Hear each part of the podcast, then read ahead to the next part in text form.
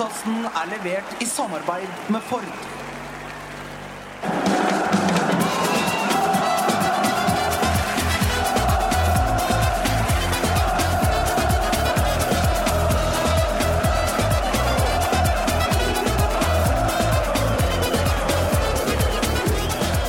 Hjertelig velkommen til Pyro Pivo, også denne uken i samarbeid med Ford. Vet ikke hva velkommen er på russisk, men i dag så skal vi snakke om VM, som er ganske nøyaktig, pluss-minus en uke, et halvt år unna.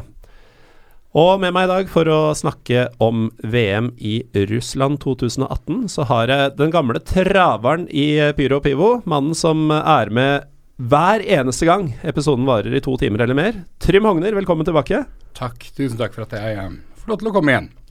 Sist du var her, var jo i eh, den beryktede, etter hvert blitt uh, Europaliga-episoden. Og eh, jeg vet ikke helt hva jeg skal si. Tilbakemeldingene har vært mange, og de har vært udelt positive. Der vi satt og ble litt rørete og holdt på i over to timer sammen med stakkars Petter Bø Tosterud, som lurer vel fortsatt på hva som skjedde. Ja, nei, men det var, det var jo en, eh, det var en hyggelig kveld. Eh, det er jo litt sånn med Palinka og Raki at eh, kveldene blir ofte litt, litt lange. Så det var kanskje en, en del av årsaken. Eh, men jeg, jeg, har faktisk fått negative tilbakemeldinger. Har du det? Ja, jeg har blitt mobba fordi at jeg konsekvent sier Kjøln og ikke Køln. Mobba? Altså Det ble det jo nesten her også, men er ikke det et varemerke du bestemte deg for å bygge for deg selv? Han fyren som sier Kjøln? Kielferja og Kjøln. Ja. Uh, en annen fyr som har fått pepper for hvordan han uttaler ting, er en annen romeriking som var med i fotballuka for uh, føles som veldig mange år tilbake. Patrick Veen, velkommen til deg. Takk skal du ha. Å, nydelig røst. Veldig uh, Den er litt sliten, men det går bra. Ja, og vi skal komme tilbake til hvorfor vi alle tre kanskje er litt slitne i stemmebånda snart, men uh, hvem er du for en? Du, jeg er jo da en uh, relativt uh, fotballinteressert fyr, som jeg pleier å si. Spesielt da med Ja, jeg er jo glad i lokal fotball og litt lavere nivåer og sånn, og har vel fått en del kjeft for det opp gjennom åra. ellers så liker jeg jo å kose meg i helgene hvis jeg har muligheten til det. Og det blir jo sjeldnere og sjeldnere. Sånn er det jo. Ja. Og når du sier at du er relativt interessert i fotball, så ja. må man jo påpeke at uh, alt er relativt, til og med ordet relativt. Det er helt riktig. Og uh, jeg vet at du er glad i breddefotball, men du har også en stor forkjærlighet til uh, dagens tema, som er fotball-VM. Er, er, ikke det korrekt?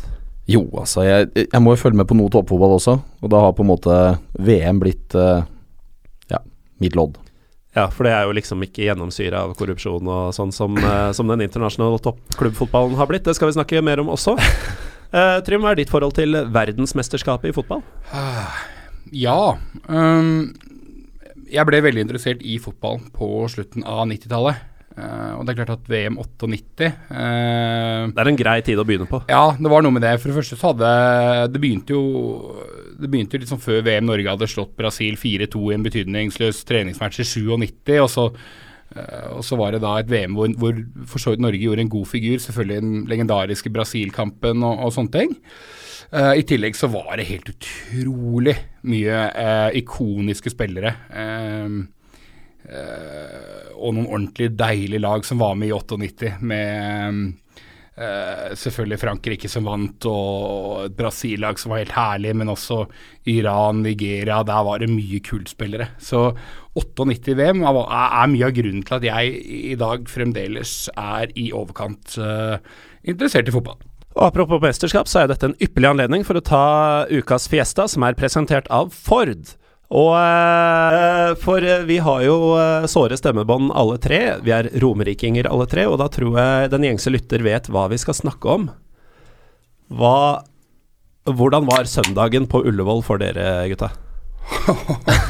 er, det en, er, det en, energidrikk du knakk deg der, Trym? Ja, det, det, har vært hele uka. Jeg har sovet vanvittig lite. Vi er uh, Vi har vel festa fra oss for en stund. Det var jo Jeg tror faktisk, med hånda på hjertet uh, Ikke faktisk engang, jeg tror utvilsomt Tror utvilsomt at uh, det som skjedde på Ullevål på søndag, er det største jeg har opplevd innenfor fotball. Og det inkluderer å være med å vinne seriemesterskap på bortebane med Ultras i Tyrkia. det inkluderer ja, egentlig ikke så mye annet som Lillestrøm-supporter, men jeg har vært med og sett uh, mye fotball rundt omkring og hatt en del skjellsettende opplevelser. Aldri kan jeg huske å ha følt noe lignende det jeg gjorde på, på søndag. Nei, søndag var en uh, Nei, det var en deilig dag, rett og slett. Og, og litt sånn hvis vi skal se for ti år siden, 2007, eh, da Lillestrøm vant sist, så var det, da, altså, da var vi en voldsom oppsving, hele mm, byen. Og vi hadde et kjempelag, og vi kasta penger i hytt og gevær etter middels gode fotballspillere. Møt, møter et Haugesund-lag den gangen som vi Altså, vi skulle jo egentlig bare sette ut skoa, eh, og det holdt jo den kampen her. Så den gangen var det litt mer forventa. Nå skal vi møte superfavoritten Sarpsborg. Medieengeren. Uh, ja. De som liksom er da dyrka fram som uh, norsk fotballs framtid, og alle er så forbanna fantastiske den klubben der. Faen, så lei jeg er av det allerede. Oh, ja, Det er litt sånn som gods en periode ja, under Deila. Det er liksom den derre hausinga. men, men, men, men, blås nå i dem. Vi må jo snakke om, eh, om, om, festen og om hyllesten av dette Lillestrøm-laget, som jeg, eh, kanskje litt eh, høy på livet, ynder å kalle tidenes underdog-historie i, i, norsk fotball. Fordi det laget som ble satt sammen sist vinter, skulle jo aldri i livet klart å kare seg til ny kontrakt i Eliteserien. Langt mindre slå både sølvvinneren og bronsevinneren eh, i, i norsk fotball ut av cupen og ta en tittel. Nei, altså Jeg er utgangspunktet er enig med deg i det. Altså Vi, vi samla sammen uh, mye spillere med litt dårlig økonomi som uh, klubben jo har. Og så uh, plutselig så leverer alle over evne, og vi ser fantastisk ut. Arne Erlandsen har jo gjort en kjempejobb. Altså Hadde vi hatt en 4-3-3 klikk-klakk-trener med holdt på å si store vyer for hvordan fotballaget skal spille, hadde ikke hatt sjans. Dette med samme her, troppen, tenker du? Med samme troppen. Nei, nei. Har ikke vært i nærheten. Men Nå det... har vi plukka sammen en tropp, og vi spiller på de ferdighetene vi har. Det er nydelig. Jeg elsker det. I rene Luciano Spalletti-stilen så har Arne Erlandsen satt sammen et lag som funker, uh, funker optimalt etter hans premisser og, og klubbens situasjon. Men, men, så er det noe man har eh, prata om flere ganger gjennom denne sesongen her, også når det har gått dårlig i Eliteserien, er at selv om dette laget her egentlig ikke er all verden, Faen, for en fin gjeng, altså. Det er suveren. Utrolig Altså, for vi har vært dårlige stort sett så lenge jeg har holdt med fugla og det begynte da omtrent 98-99, så har det vært noen hyggelige sesonger, men stort sett har vi vært dårlige. Men veldig ofte så har vi vært dårlige også med noen jævla drittsekker av noen fotballspillere. Ja. Altså, i, i, fjor var vi dårlige med Maller Martin og typer som egentlig skulle vært ganske bra, men som både spilte dårlig og var ufyselige. Ja. Så nei, nei, helt utrolig deilig. Men jeg, jeg, jeg sa det før kampen, altså, det, det, er litt sånn farlig å si det. For det er klart at hvis du først er i en cupfinale, så, så vil du vinne. Men det LSK-laget der, det er så mye folk der som nå endelig har fått sjansen til å vise hva de duger ja, til ja. på øverste nivå i Norge. Melgalvis, 27 år, røra rundt i Brumunddal og Strømmen og gud veit. Kongsvinger. Mats uh, Håkenstad, avskilta i Sandefjord, sendt til mm, Fram mm. Larvik. Simen Raffen satt på benken i Superettan i Sverige hele fjor. Altså, skada hele Hellefjord? Skada hele Hellefjord, for den saks skyld òg. Men da sitter han på benken, da. Så jeg er skada. Eller på tribunen, til og med. Det skal godt gjøres å sitte på benken hvis du er skada. Ja, var ledig plass, jeg vet da faen. Men uansett, poenget er det at de, de folka her veit at dette her er muligheten. Mm, og, og, og, mm, mm. bare det å heve seg de 2-3-4-5 prosenta, og den lysta du så de første 20-25 minutta Begynte etter tre sekunder. Erling ja, Knutson ja. bare løper ned Amin Askar. Ja, noe av det rareste jeg har sett. Ja, noe av det Nei, det var jo nesten deiligere enn måla. I hvert fall når du ser brisene. Det er, ja, men det er den løsta, da. Åh, ikke sant? Og det er, det er, det som er så deilig. Og for en fotballsupporter altså, det er som, altså Jeg som har fulgt med Lillestrøm mange år, det er to måter å bli helt på Åråsen på. Enten så er du dritgod. Altså Vi snakker Tom Lund, Ståle Solbakken, Tom Sundby, Runa, Runa Kristensson som spiller, ikke trener. Eller så må du være en kødd, altså. Eller noe, no beinhardt. Frode Kippe, Frank Grønlund, Torgeir Bjarmann. Mm. Anders Eriksen. Ja, jo, jo. ja, jo ja, ikke sant? Ja. Men det er dem som blir helter, da. Du blir ikke helt av å være en sånn litt ålreit spiller. Ref. Maleri Martin. Ja. Så håper vi at uh, dere lyttere som ikke holder med Lillestrøm, som det jo er en del av, har jeg fått erfare, kan tilgi tre romerikinger at, uh, at vi satte av noen minutter til å feire dette, fordi uh, ja. Jeg hadde jo en quiz uh, sist uh, uke med Freddy Dos Santos. Og uh, selvfølgelig fotballspillere og tidligere spillere er jo forplikta til, til, å hause opp det såkalte produktet, men han sa jo i fullt alvor og uten, uten, at det var noen grunn til å mistro kredibiliteten hans, at de to cupfinalene han har vært med på, det er absolutt av det, av det, største du kan oppleve som en norsk fotballspiller som ikke heter Ole Gunnar Solskjær eller Jon Arne Riise eller lignende. da så for spillerne, og spesielt da disse spillerne som så seint som for et år siden aldri trodde at de i det hele tatt skulle få sjansen på toppnivå, tar et mesterskap og blir så til de grader omfavna av en hel by, som jo Lillestrøm tross alt er. Helt riktig. Så var det VM, da. Så var det VM. Ja. Eh, vi har jo vært litt inne på det allerede i introen, men uh, vi må jo snakke litt om først, før vi går til selve VM i, i Pokner. Uh, eller Russland, som det heter på godt norsk. Så må vi jo se litt tilbake på VM-historien, og da gjerne våre favoritter. Og Trym, du var jo inne på 98, som var ditt uh, første, og du snakka om uh, eh, ikoniske spillere.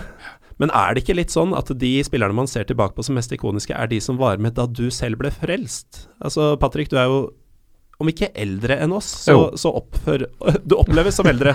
Jeg tror at du uh, fulgte med allerede i 1990. Ja da, jeg gjorde det. Det er faktisk første VM-minnet VM jeg har. Det, da var jeg åtte år gammel. Um, og var keeper sjøl. Og det var der første helten ble skapt. Det var Sergio Goicochea på Argentina, som da Ja. kom inn i etter ja, 11 minutter i andre gruppespillsmatch, for da blei uh, Pompidou skada. Pompidou er jo et utrolig navn. Nydelig navn. Uh, Goicoechea, jeg så jo på han som verdens beste keeper, fordi at altså, Argentina gikk jo videre både i kvart og semi etter straffekonk, og han sto jo altså som en vegg i de straffekonkene her. Jeg innbiller meg at han redda ti av ti. Han redda vel fem av ti, tror jeg, eller- eller fire av ti. Fem av ti, tror jeg det var. Men han fantastisk.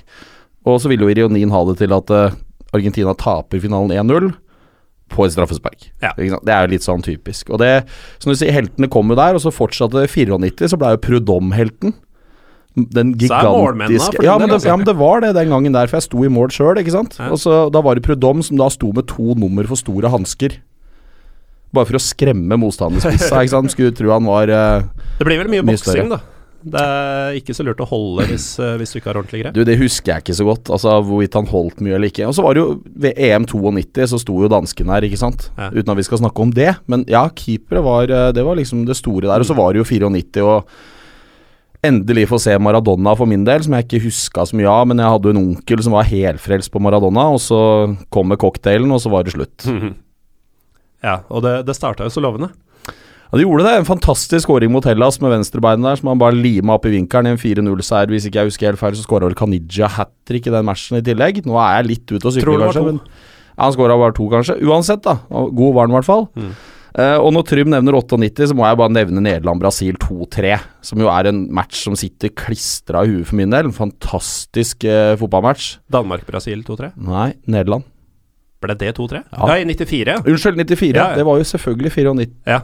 Jo, da Branco uh, skåra seiersmålet. Nei, nå er det Ja, Var det det? Du, du må gjerne Jo, men det er riktig. Jeg vet at Det er det, riktig. ble 3-2 i 94. Det er 94-matchen jeg tenker på, så jeg øh, rører jeg litt. Men poenget er uansett goalen til Bergkamp, og da ble jo Bergkamp en gigantisk helt pga. fantastiske pasninger opp fra det bord, og så avslutter nå jo er du i Bergkamp 98. Der er 98 og 90. Ja, mot match var det? Mot Argentina. Ja, 2-1. Takk skal du ha. 2-1. Mm. Den goalen, da, uansett. Det gjorde jo Bergkamp til helten min i 98, og da var det jo trist at den gikk til Arsenal, men det er en helt annen historie. Ja. ja, for du er jo uh, ikke Arsenal-fan. Nei, ikke på noen som helst måte. Ikke at det er noe Men du holder heller ikke med et lag som har noe sånn naturlig hat til nettopp Arsenal? Nei da, men uh, du ville jo at han skulle spille Sunderland, selvfølgelig. Men det var et stykke unna, da. Ja. Men altså, herregud, vi har lik attermål. Det holder, det. Ja, det, det er omtrent det samme. Ja. Eh, for min del så, så begynte jo jeg Altså min fotballinteresse begynte etter uh, en, en eller annen gang mellom at Norge slo Mexico 1-0 og eh, kampen mot Italia, som eh, man tapte, som var eh, kamp nummer to. Ett sted i løpet av den uka, eller hvor mange dager det gikk der, eh, fatta jeg en viss interesse. Og eh, så da Norge-Italia, som omtrent var min første fotballkamp. Og Norge tapte, og det var trist og sånn, men jeg ble sittende til langt på natt som tiåring og se på matcher resten av mesterskapet, og fra da av så var jeg fotballfan. Så 94-VM har eh, Det er der alt starter for min del. VM-historien selvfølgelig, men også fotballinteresse generelt. Trym, Ja. 98. Eh, du nevnte et par navn i forbifarta i stad, men vi fikk liksom ikke gått eh, videre inn på det. Men jeg mener å huske at Okocha var nevnt. Ja, ja eller øh, hele, det- hele det Nigeria-laget. Ja. Altså, ikke sant, Kanu, Taribo West, altså det, Ja. For en, for en gjeng. Men, men, men øh, også øh, Dette var jo da Nigeria 98 var jo to år etter Atlanta-OL, ikke sant? Og da var det vel faktisk Nigeria som vant der. Uh, så man hadde en, en gjeng med unge spillere, som selvfølgelig helt åpenbart var mye eldre enn dere sto på papiret. Uh, som alle sammen la opp et par år rett på, når de da tilsynelatende var 29-30. Men det var, det var, en helt utrolig fin, uh, fin tropp. Uh, og Apropos de afrikanske lagene, er også Marokko som var i gruppe med Norge. Med ja. Mustafa Haji. Haji var fantastisk. Ja, nei. Det er utrolig mye kule spillere i 98. Hadde det ikke vært for at jeg var så frelst på Norge og den 2-1-seieren mot Brasil eh, da. Hvis jeg hadde sett de bildene når de får overrakt den beskjeden etter å ha most Skottland og feirer som om de er videre, fordi det er ikke snakk om at Norge skal slå Brasil. Siste de hørte var at det var 1-0 antagelig. Og så får de overbrakt den nyheten ute på banen, og de bare kollapser helt. Det, det, var, det er nesten vondt å tenke tilbake på, for det var et kult lag, altså. Ja, det var det. Det var uh, Nordin var jo også i den uh, gjengen der. Og, men uh, uten å spole tida altfor mye fram uh, sånn med en gang, så var vel det sist gang Marokko var med i et VM, var det faktisk 90, fram til da neste år. Det er riktig, det. Og det blir spennende å følge dem. De har både kule og mindre kule spillere på laget. Og apropos arabisktalende spillere, så nevnte du, Patrick, før vi gikk på lufta, en scoring fra 94 som du husker spesielt godt. Ja. Saudi-Arabia? Ja. Al-Owairan, var det ikke som, som også er tilbake i VM ja. uh, neste år. Jo, altså, ja, ikke han, men uh, Nei, nei Saudi-Arabia. Ja, nei, altså, Al-Owairan mener han husker. Ja, Saeed Al-Owairan. Ja, nettopp. Og dansa seg jo gjennom alt som var av belgere, og Saudi-Arabia vinner 1-0. Fantastisk skåring. Det var sånn man måtte skåre på Predom. Ja, det var det. Men altså 94, ikke sant. Det, jeg vil bare ta opp en liten kjapp ting til i tillegg. Altså, det var dette her med nattkamper og USA og alt var så svært. Og du husker jo albuen på Tab Ramos. Det smalt jo i De hadde jo høyttalere rundt omkring, og alt var så stort og gigantisk. Ja, det er vel fremdeles det mesterskapet med høyest tilskuddssnitt, ja. faktisk, ja. Per match. Ja. Men ikke sant, poenget var det at det, det, er jo, uten å dra det altfor langt, altså det er jo litt fotballinteressen den gangen der. altså Det var jo, det var jo lav tilgjengelighet. ikke sant? For mm. meg er det jo det som er største utfordring av moderne fotball i dag. altså Det er så forbanna tilgjengelig. altså Alt er jo Det er for lett å se det. For jeg som fortsatt husker liksom at tippematchen gikk klokka fire med engelsk fotball, ikke sant. Det var jo sjarm. Sjarm, ja. det nå. Men 94-VM var jo da, som sagt, da var jeg blitt tolv år gammel. Og du begynte å skjønne litt. Jeg har en rød sånn der spiralperm hjemme, eller der perm hjemme, og jeg skriver Altså Der står alle resultater, alle lagoppstillinger, alle gule og røde kort, tilskuertall, målskårere, alt mulig. Jeg hadde Svea fra VG her for uh, to uker siden, og nå merker jeg at det begynner å balle på seg med sånn overdrevent nerdete ja, Jo, men du måtte skrive det opp, ikke sant? Fordi at du hadde resultatbørsen i VG. Internett var, jo Det var ikke noe internett og e-mails og sånn. Men det var jo ikke det. Nei, ikke sant? Så, så, hvis du skulle med deg, så måtte du ta da For jeg, jeg visste jo ikke det at om, ja, om ti år så ligger jo alt dette på nettet likevel. Jeg tenkte at det her skal jeg bare ta vare på. Ja, det er, det er et godt poeng. Ja, Så jeg ja. skrev jo opp alt da, ikke sant. Så jeg tenkte at da kan jeg bla tilbake, og så har jeg gode minner og, og hele den biten der. Ja, og det, det, det kan jo ingen ta fra deg. Nei, den, eh, den permen, den, eh, den står, eh, står, i kjelleren, den. Ja da. Men nå, nå, har vi jo, når vi snakker om uh, vår, uh, vårt forhold til VM, så har vi jo ikke beveget oss inn i dette årtusen. Er det tilfeldig? Er det sånn at det var ting mye bedre før, eller er det like stas hver gang? For min del så var Altså, jeg sa litt om det i stad. Altså, alt var mye mer Alt var mye bedre før. Enkelt og greit. Jo, men altså, jeg står på det, og det, det handler litt om tilgjengelighet, og så handler det om utvanning av produkt. Men er VM utvanna? Ja, for da, nå er det 148 land som er med, eller noe sånt. Ikke sant? Det er jo, altså Alle er jo med snart. Det er bare Norge som ikke er med.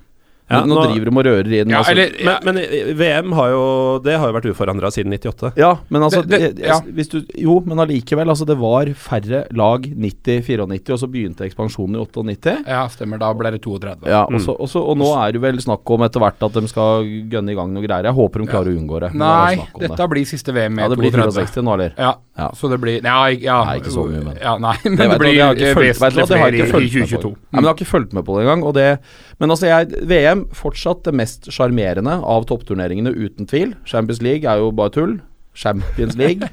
altså, det er fem lag fra England med. Så det Champions League ja. med vilje? Ja. Den likte jeg. Glem det greiene der. Det, ja, jeg syns det er helt håpløst. Jeg har ikke sett en Champions League-match bortsett fra Nei, jeg har ikke sett en Champions League-match på tre år, tror jeg.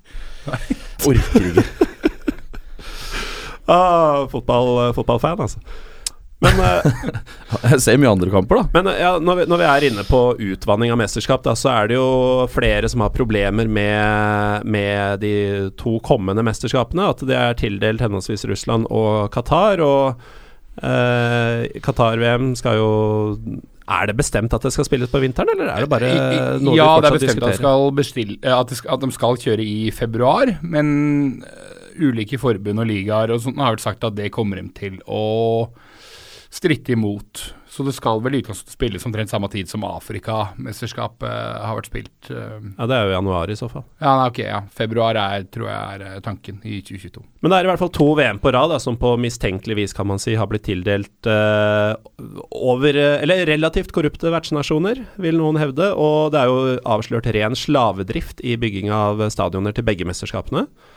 Eh, hva, hva gjør dette for deres interesse? Uh, disse som roper på boikott, er, eh, er, er det i det hele tatt aktuelt å ikke se på VM i Russland, f.eks., for, eksempel, for noen av dere?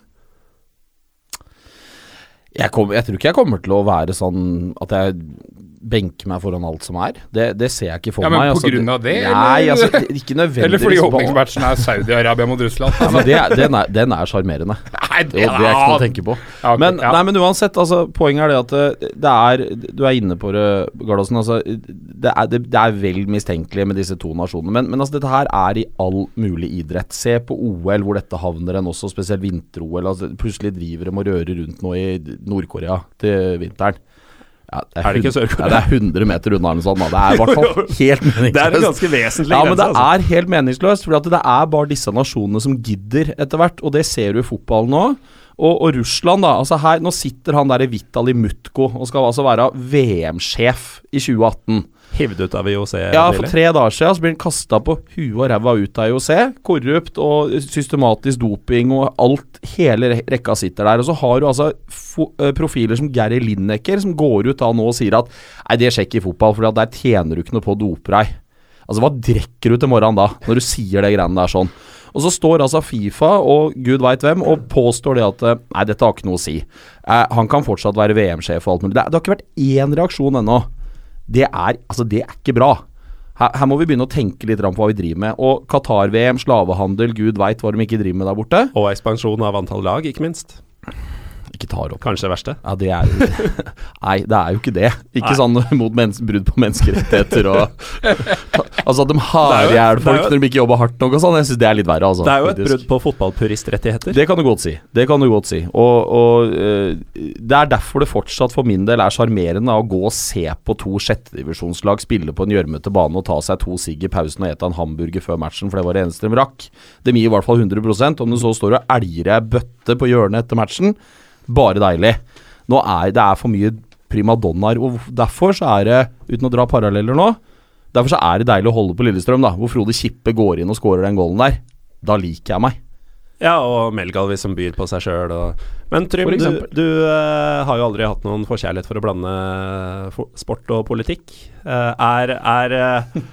Jeg, jeg, jeg vet ikke om Jeg aner ikke om du var sarkastisk eller om du egentlig hva du egentlig mente. Nei, men dette med at uh, Nei, jeg, jeg, jeg, jeg, gir litt bismak for mange. Har det noe å si for din del? Mm, Veldig lite. Ja. Utrolig lite, faktisk. Og, og, og det er flere grunner til. For det første er det litt som du sier, sånn er det. Eh, jeg er ikke så sikker på at en del av de nasjonene vi uh, liker å, å spille på lag med, à la USA og Saudi-Arabia og disse her, er så hvite som sne heller. Um, jeg er ikke så overbevist om at Russland er så jo, ok, kanskje, kanskje noe verre. Men, men poenget er jo at øh, sånn har det på en måte blitt. Og så syns jeg ofte at det fokuseres innmari mye på, på de negative sidene. Eh, øh, fordi at uh, f.eks. disse forholdene som ikke har vært gode nok for eh, arbeiderne i Russland, eh, som, som bl.a. Josimar har lagd noen innmari gode artikler på, Nettavisen eh, jeg lurer på om det er eh, Aftonbladet Det har vært flere serier som har fulgt dette her sånn. Jeg lurer på om det er første gang jeg har hørt Josimar og Nettavisen i samme setning. Ja, øh, jo da, men det er, det, nei, Nettavisen hadde i, altså, refererte mye til og hadde en serie på elleve artikler på det der. Men, men, men, men, men og, og selvfølgelig ma masse annet, også og vestlige medier. Men poenget er jo nettopp det at ved å sette fokus på en del av de tingene, så har faktisk eh, en del av arbeidsforholdene blitt bedre. De nordkoreanske selskapene som bygget øh, mange av stadionene, har jo f.eks. blitt kasta ut. Det syns jeg er ålreit. Det er fint. Det er fint. Så, så det blir å se på, på VM i Russland for oss alle tre.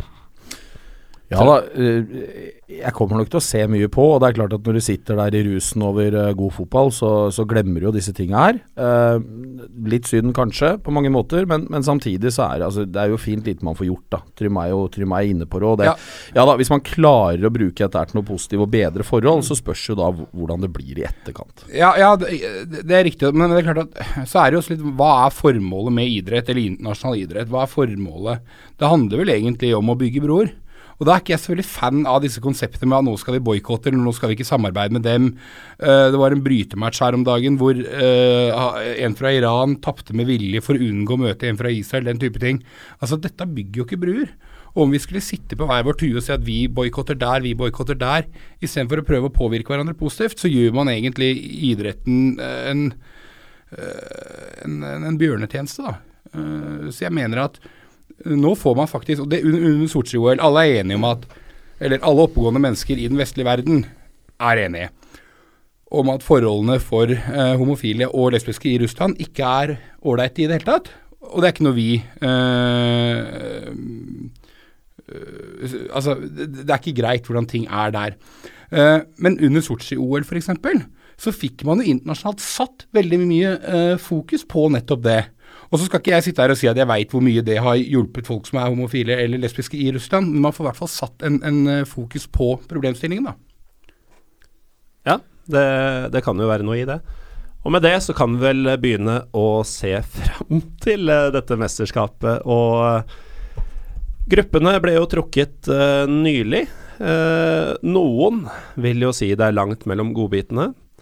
Pyro Pivos lyttere og Europaliga-entusiaster eh, har kanskje Sjettedivisjonsentusiaster. ja, har kanskje andre ting å, å si om det, og vi, vi kan jo begynne med Begynne der det er naturlig å begynne, i gruppe A. Som består av eh, vertsnasjonen Russland, Saudi-Arabia, Egypt og Uruguay. Åpningskampen Russland-Saudi-Arabia, ikke nødvendigvis noe du huker av i kalenderen, Patrick. Hva tenker du, Trym? Patrick sier vel at han eh, gleder seg til den? Men det er åpningskamp. Ja, det. Det er kun derfor.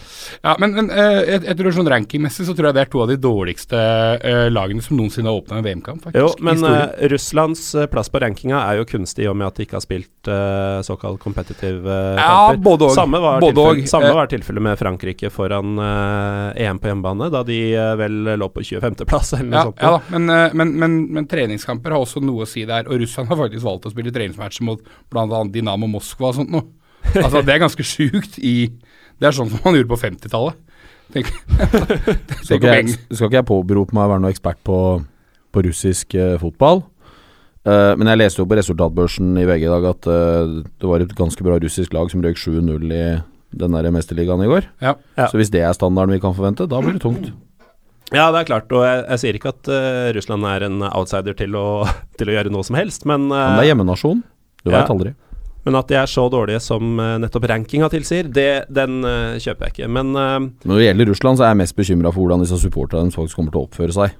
For det er jo ja, Jeg- jeg liker- og- men, men, men, men som, jeg, som jeg så naivt akkurat sa, dette har vi fått satt fokus på under Sotsji-OL. Ja, så nå må det jo være rosenrødt der. Nei. Ja, vi, vi får jo se da hvor, hvor mye det er ja, ja. når, når, når både Saudi-Arabia og Egypt skal møte dem. Ja da, men det er et øh, øh, Det er veldig interessant det du er inne på der. Eh, stort sett så fungerte jo det der relativt bra når Ukraina og Polen, som jo heller ikke er eh, de mest barberte gutta i, eh, i bygården, når de arrangerte sammen, så var ikke Det var ikke så gærent, altså. Hva, hva var det du kalte dem? De, de, de er ikke de mest barberte gutta i bygården. I Bygården? Ja. ja, ok, greit. Nei, men altså, jeg, sånn Sett utenfra, da. Uh, gruppe A. Uh, for meg så er jo uh, favoritten der Uruguay. Ikke fordi jeg mener å vite altfor mye om Uruguay, men altså det er jo i hvert fall de har i hvert fall en par superstjerner på topp der som bør kunne putte på noen goller. Ja, de har levert bra i noen mesterskap på rad og, og er å regne med. Ja, Og så er Saudi-Arabia Du aner jo ikke hvor de står hen. ikke sant? Og Plutselig så dukker opp en Al-Wairan da som raider seg gjennom, og Egypt det samme. Afrikansk fotball. altså Det er jo men Du prøver alltid å se på hvordan det har gått i Afrikamesterskapet de siste åra, og så er det jo stikk motsatt når du kommer til VM. De som har hevda seg i Afrikamesterskapet, dem ryker jo rett ut av VM, og motsatt. Ja, Det er Altså- pussig den linken der, fordi Egypt uh, føler jeg De vinner jo Afrikamesterskapet nesten hver gang. De Ja. møter jo nesten ikke opp for å ta igjen med den tittelen. Og når de møter de nøyaktig samme lagene i kvalik til VM Dette er jo første gang de er med siden er det 1990.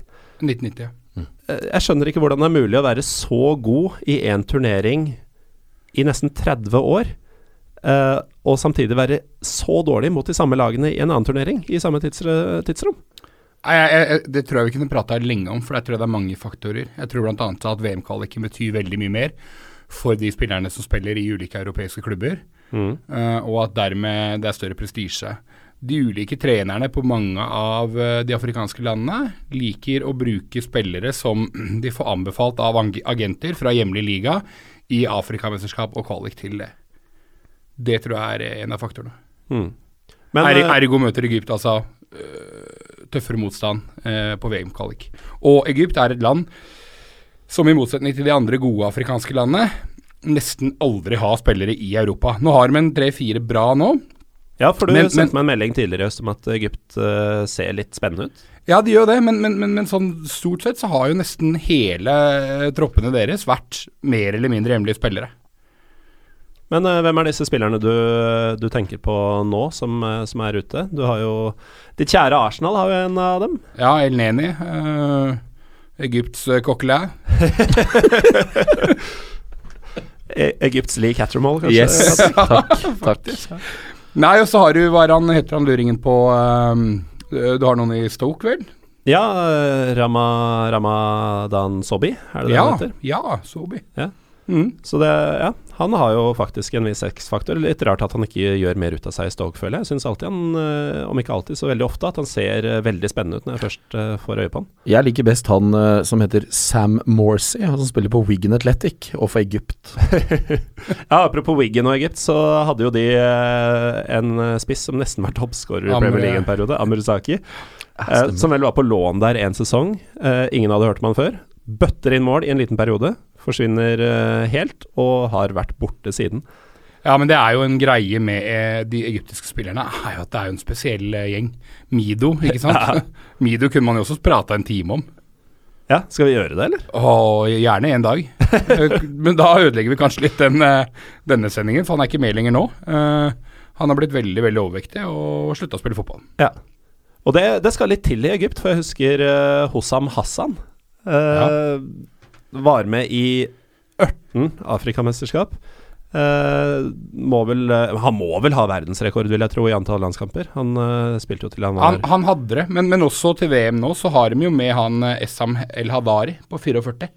44. 44, ja. Er Eller han er 44 nå, så er han 45 antagelig neste år, da. Da blir han i så fall tidenes eldste VM-spiller, Det hvis er han spiller. helt riktig. For det vet dere selvfølgelig hvem er. Det er Roger. Farid Mondragon, Å ja. Far, Mon- Colombia. Colombia. Jeg tenkte Nei, Roger Milla. keeper, keeperen vet du. Farid Mondragon, han er eldst. Ja. Du, eh, det er noe med deg og keepere, Patrick. Veldig Hvilken glad i posisjon har denne egypteren, eh, Trym? Keeper, selvfølgelig. Og det visste Patrick sitter bare og smiler, vet du. Så, som om dette var en seier for deg at denne fyren er keeper. Det er det. Ja, Jeg tar- da blir, ja, men da jeg blir tar alt rekorden som værende blant dine. Ja, ja, ja. ja, ja. Tenk om eh, vedkommende setter et frispark i krysset også, så blir han eh, tidenes uh, eldste målskårer. Det gjør han Da. Og er keeper. Mm. Det må vi bare anta at uh, skjer. Ja. Men, men tilbake til bare Altså I denne gruppa her med hjemlige spillere også, er vi, vi, vi Jeg vet ikke om vi skal inn på Saudi-Arabia, men det er jo også sånn Er det fremdeles sånn i Saudi at spillere der ikke har lov til å spille utafor Saudi-Arabia? For det var jo en regel som to land i verden hadde. Det var Nord-Korea, så var det Saudi-Arabia. Jeg må innrømme at eh, jeg ikke har lest meg opp på det, Nei. men eh, jeg har ikke sett noe tegn til at det har endra seg.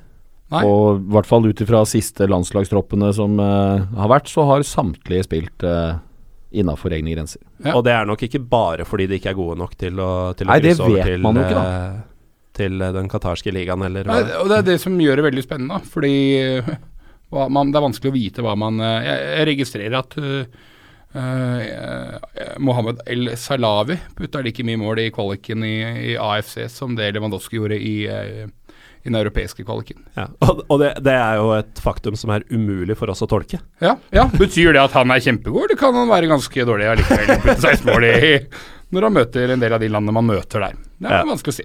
Det var vel i sin tid noen australiere som skåra like mange mål som det i enkeltkamper mot Tonga og Fiji. Ja, og men det var jo da Nå er jo Australia AFC. Ja. Da var det jo ikke det. Nei. Nei.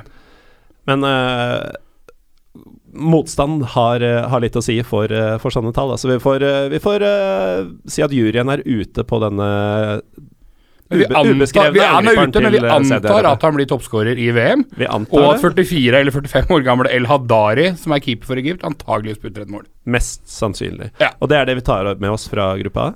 Eh, Ja, nå en egypter sa vi ikke så mye om vertsnasjonen, kanskje, Morten? Nei, men Nei, det eh, ja, det, det blir en sånn episode igjen, Trym. Nei, nei, sorry. Nå skal ikke jeg Nei, vi må, for vi, må, vi må jo prate om vertsnasjonen. Hva har du å si om vertsnasjonen?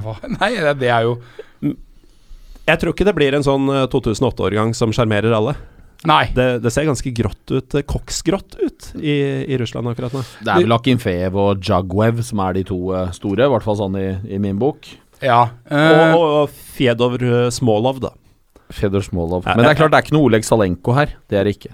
Nei, men det, det var det jo på sett og vis ikke før 94-VM heller. Ikke etter det. Eh, Hvem forventa Arshavin var jo Andrej Arshavin var jo selvfølgelig var jo veldig bra. sexy, sexy Ja, type, da. meget, meget god. Jo, Ja. men, eh, men det EM 2008-laget var jo dødsfett. De hadde jo masse kule Ja. folk som Pavlytsjenko, Pogrebniak Jegor Titov var kanskje fremdeles Ja, før det, det er nok litt seint for han, men uh, ja, Biljarnetin og du. Sirkov Han er den ene russeren som har funnet på å dope seg, han. Han ene som finner på å bli tatt. Ja, å, ja, ja, ja, ja. Ja, ikke sant. ja, de er hvite som sne. Nei, men altså, jeg, jeg Med mindre Med mindre Saudi-Arabia har et par spillere som setter verden i fyr og flamme, eller med mindre alt klaffer for Egypt, og ting skjærer seg veldig for eh, resten, så, så ser jeg for meg at Russland og Uruguay går forholdsvis greit videre. Det tror jeg også. Og det er den, det er den hjemlige gruppa. Vi snakka om de hjemlige spillerne i Egypt og Saudi-Arabia, men også Russland har jo Mm. veldig ofte hatt nederlandske trenere og, og, og sånne ting, og dem har ofte plukka spillerne sine kun fra Spartak Moskva, Tsjeska, Zenit osv. Så, videre. så du har gjerne bare hatt spillere fra en tre, fire, fem lag. Eh, nå sies det at de har lokale trenere som er mye mer ute og ser også de mindre lagene, det være seg Mm. Terek eller Amkar eller holdt å si Arsenal, eller hva de, de små lagene der heter. da. Arsenal Tula. Så, så, så spennende. Det er jo det er kanskje den gruppa man, eh, i, med unntak av Uruguay, på en måte veit minst om. da. Eh, Ja, det, For en gjennomsnittlig fotballsupporter. Det er nok lov å si når jeg nå sitter og ser på de andre gruppene parallelt. Det er eh, Jo, det er fort det. Ja. Um, Det er i hvert fall der du har desidert færrest spillere i de store vestlige ligaene. mm. Ja, det, det er i hvert tvil. fall Ja. lov å si. Ja. Uh, og det gjelder ikke gruppe B. Nei. Der har vi uh, Det er jo den mauriske gruppa. Ja, ja, ja. du har jo Marokko uh, og, og deres tidligere territorier, eh, Portugal og Spania. I hvert fall store deler av dem var jo under det mauriske styret for, for noen tiår siden, kan man si. Um, men det er da Portugal, Spania, Marokko og Iran. Og hva er det som først slår deg, Patrick? Nei, det er jo at du har eh, to enorme favoritter i den gruppa der, etter min eh, mening. Og så er jeg ikke sikker på om det blir sånn.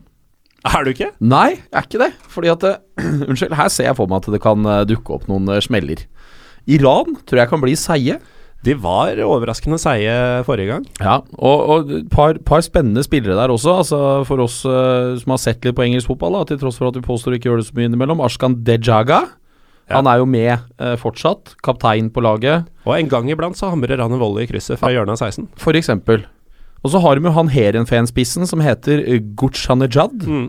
Som jo også er en, en, en bra spiss, i hvert fall i, i nederlandsk liga, som selvfølgelig ikke er veldig god, men altså han er jo en eh, Martin Ødegaards favoritt-target. Ja, ikke sant? Så han er jo han er bra. Så, og Iran er sånn De, de har jo han Østersund eh, du kan ikke nevne Østersund-spillere Jo, jo det må jo være lov i Pyro Ja, men Saman Goddos, han spiller jo Østersund. Østersund er jo årets For, Ja, dere, men- for dere som er europaligaentusiaster, er nå, nå snakker du om spillere som skal Vinne VM. Ja, som, Ja. Skal, som skal sette en smell på europamester Portugal, eller uh, mangedobbel, Ja. holdt jeg på å si, mester eh, Spania. Det holder kanskje ikke med Østersund, da? Iransk Østersundspiss, det mitt Nei, men, men, men, men jeg, jeg, jeg er faktisk litt enig i at Iran, det er, no, det er noe spennende her. Mm. Eh, Og så er det jo, men, men kvaliteten er litt sånn altså Sorsha Makhani i Mjøndalen hadde antageligvis vært førstekeeper der. Ja. Hadde det ikke vært for at han hadde på seg en gul dress, eh, og dermed ble kasta ut både av landslaget og av landet. Ja. De er ikke så liberale der ennå. Uh, Men, men, men uh, Det var ikke så liberalt der. Iranere er ikke så veldig liberale. Det, det må jeg lov til å si. Som, som du sa jeg, er ikke- jeg er ikke glad i å blande fotball og, og politikk, men, men, men, men den, den kan jeg stå for. Men det som er litt gøy, er jo også at jeg tror det er en tre-fire spillere i stallen der som spiller i, i Russland til vanlig. Så du har faktisk noen som spiller på, på hjemmebane, uh, uten at det nødvendigvis gir noen stor fordel, men det er jo, det er jo en artig liten uh, Ja, notis. Ja, og så er jo ikke Russland nødvendigvis hjemmebane, da, i og med Vi hadde jo en episode om uh, langstraktheten, annet, i landet for noen uker siden. Og spiller du i Arsenal Tula, da, så er det ikke noen hjemmebane å spille på stadion til Novosibirsk, eller men, jeg, men jeg skjønner poenget ditt, Ja. uh, Trym, helt klart. Men eh, det er jo en gruppe som eh, Jeg så en tweet hvor de sa at eh, alle de kampene burde jo egentlig bli spilt i Gibraltar, i og med at du har Ja, ja. Marokko, Portugal og, og Spania, og dette iberiske derbyet, selv om det kanskje er det minst uh, pyro pivot oppgjøret i gruppa. Ha, hva forventer vi av det? Jeg, jeg tror det blir kjedelig. Men det er meg, da. Jeg, jeg tror det blir mye trilling av ball. Mm. Det er jeg ganske sikker på. Uh, Spania jeg ser på dem som vesentlig sterkere enn Portugal. Altså Det er greit at Portugal er regjerende europamestere og surfa seg gjennom noe greier der og traff et eller annet veldig rart. Sånn, så det skjedde med Hellas òg, du så åssen det gikk. Jeg, uh, jeg tror Portugal står i reell fare for å ryke ut av en gruppe der, jeg. For jeg, altså det er ikke Det er friskt meldt. Ja, jo, men jeg, jeg ser på Spania som, som klink, og så er uh, tror jeg Portugal faktisk skal, skal få slite litt. Det begynner å bli et uh, litt sånn der halvvoksent, kjedelig satt lag nå, det portugisiske laget. Det er, det er ikke all verden. Nei, jeg, jeg er nesten litt enig. Det føles jo som at Portugal, selvfølgelig med unntak av eh, Ronaldo, så føles det som at de gradvis har færre og færre profiler. Altså tilbake til gamle mesterskap, da, ikke sant, med Figo og Rui Costa. Og det, det var ikke måte på hvor mye kule spillere de hadde. Paulo Sosa. Og Nuno Gomez i et EM en gang òg, ikke minst. Eh, men, men, men det føles som at de ikke har så mange av disse her eh, store profilene, og at de er ekstremt avhengig av at ting fungerer for Ronaldo. Når det er sagt, så tror jeg nok kanskje Ronaldo eh, pluss røkla eh, kan hamle opp med Iran og Marokko 2. Eller Frankrike B, som det laget egentlig burde hete. Marokko 2?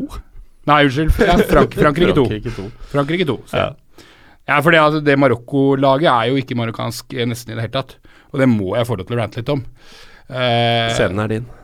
Nei, men altså Det er øh, 60-65% av spillerne i hele stallen er ikke født i Marokko, har aldri spilt fotball i Marokko.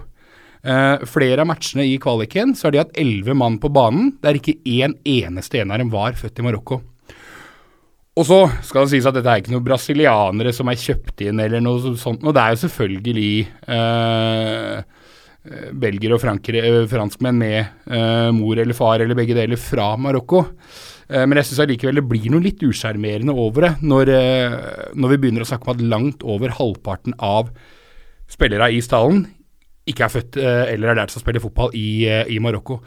Eh, jeg skjønner at de har en kulturell tilhørighet og den type ting, men et landslag skal på en måte for meg være litt produkt av fotballen i landet.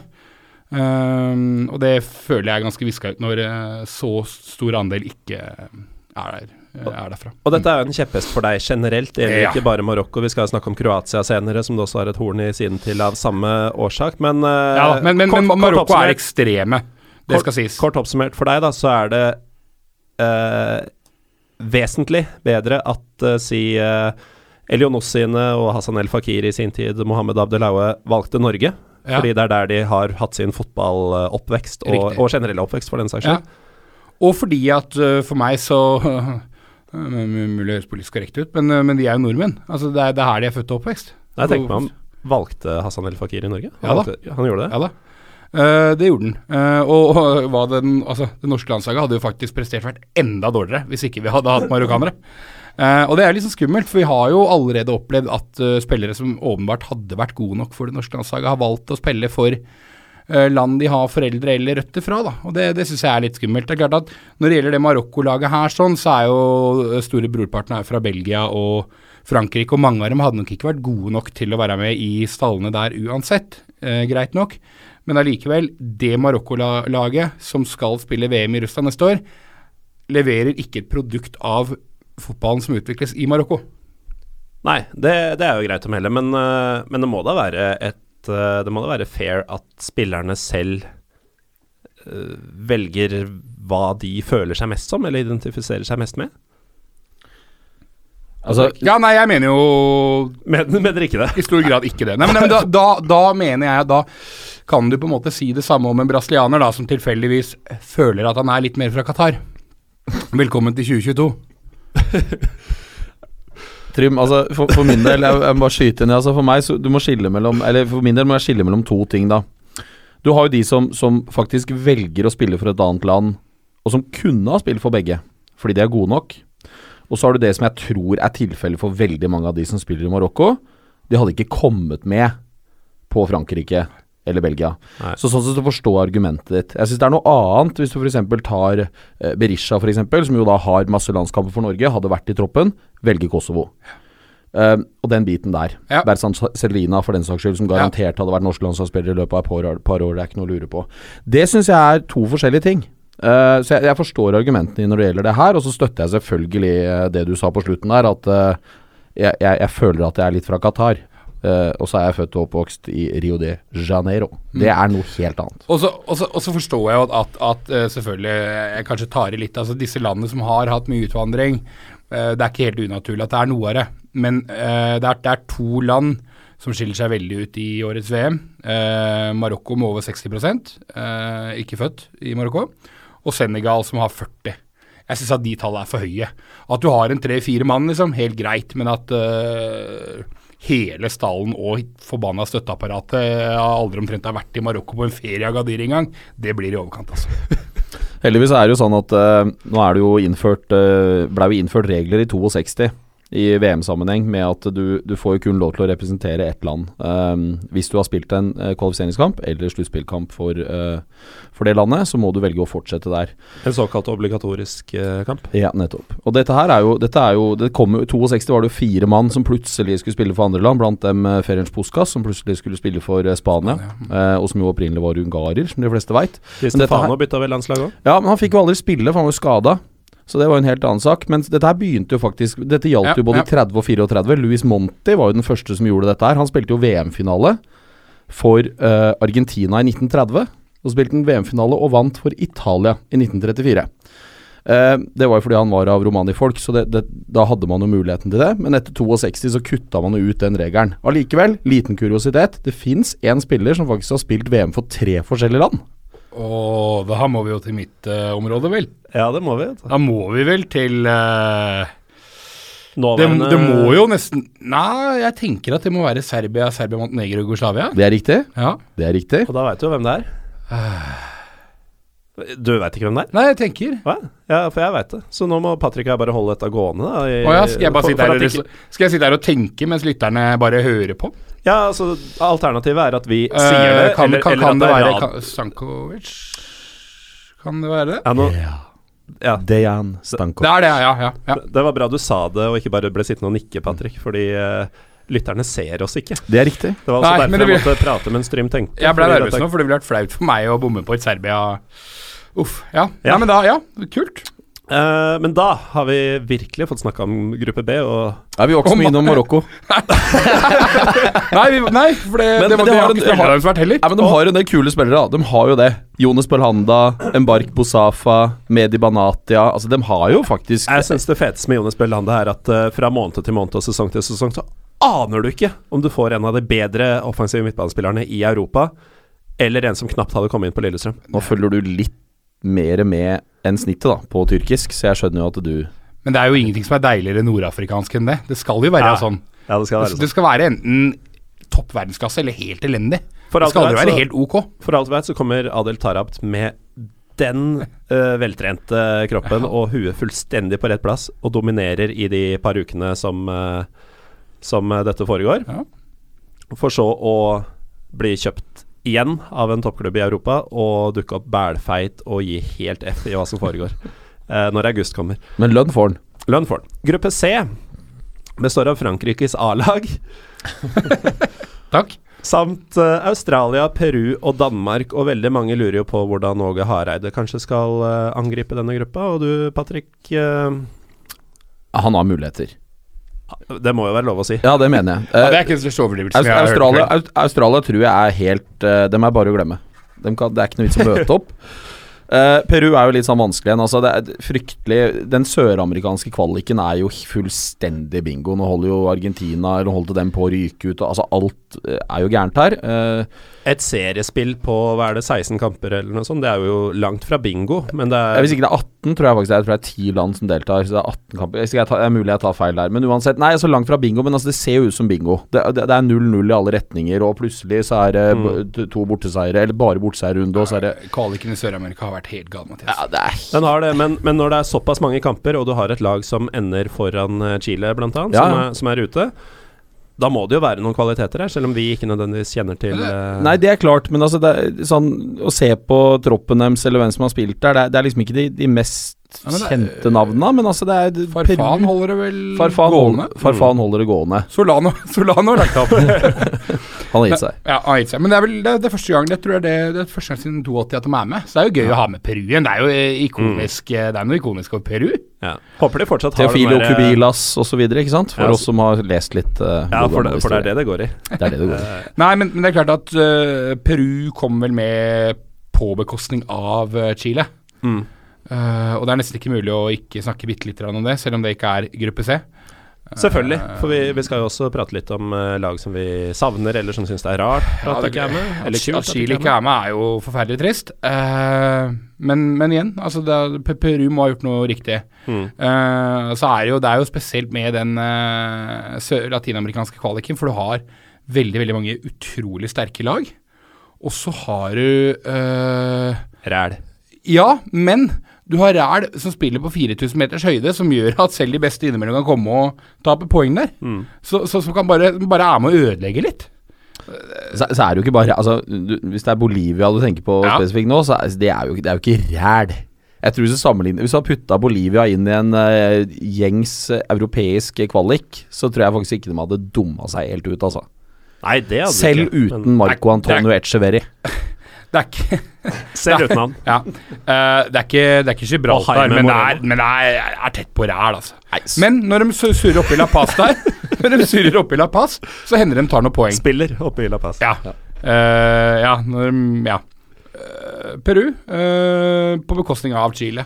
Men, men uh, lite spørsmål til deg, Trym. For du, jeg vet at du følger bra med på amerikansk fotball. Uh, de har jo to av de Altså ikke, ikke NFL, men altså Nei, ja. American Soccer, Ja. hva dere kaller det. Ja. Jordi Reina fra Vancouver Whitecaps. Og ikke minst han som heter Jotun. av alle ting ting som spiller i Orlando City. Ja, det er Jotun først. Han spilte jo i Malmö. Ja. Heter han bare Jotun? Ja, nei, han heter Josimar Jotun. Josimar Jotun. ja, ja. Eh, han har jeg jo hørt om, når du nevner det. ja eh, Det er jo kanskje det beste navnet siden Josimar. Ja, være. det, er, det er et utrolig, eh, utrolig bra navn. Men var, Eh, var, var han eh, som spilte spiss for Honduras eller noe sånt i forrige VM? Han med det svenske navnet? Jerry Bengtsson? Ja!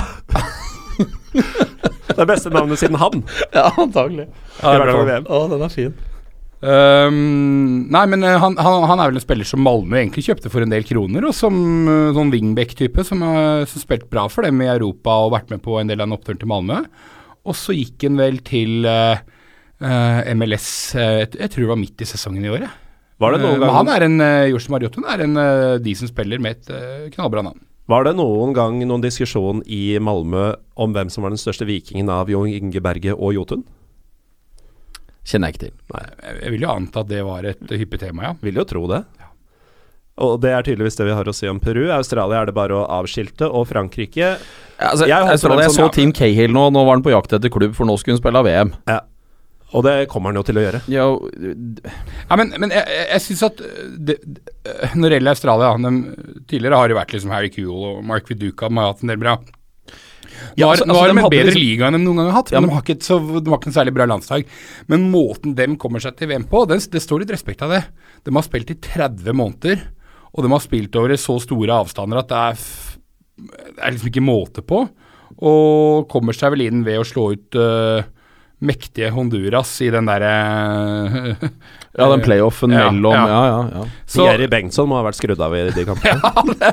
Jeg tror det var der, det, det var der slaget ble tapt for uh, mektige Honduras. Noe av det morsomste jeg har sett på internett for øvrig, var eh, da jeg ble Facebook-venn med en eh, kollega i en jobb jeg hadde, som uh, het Charlie Bengtstrøm. En svenske. En faktisk svenske, i motsetning til Jerry Bengtsson.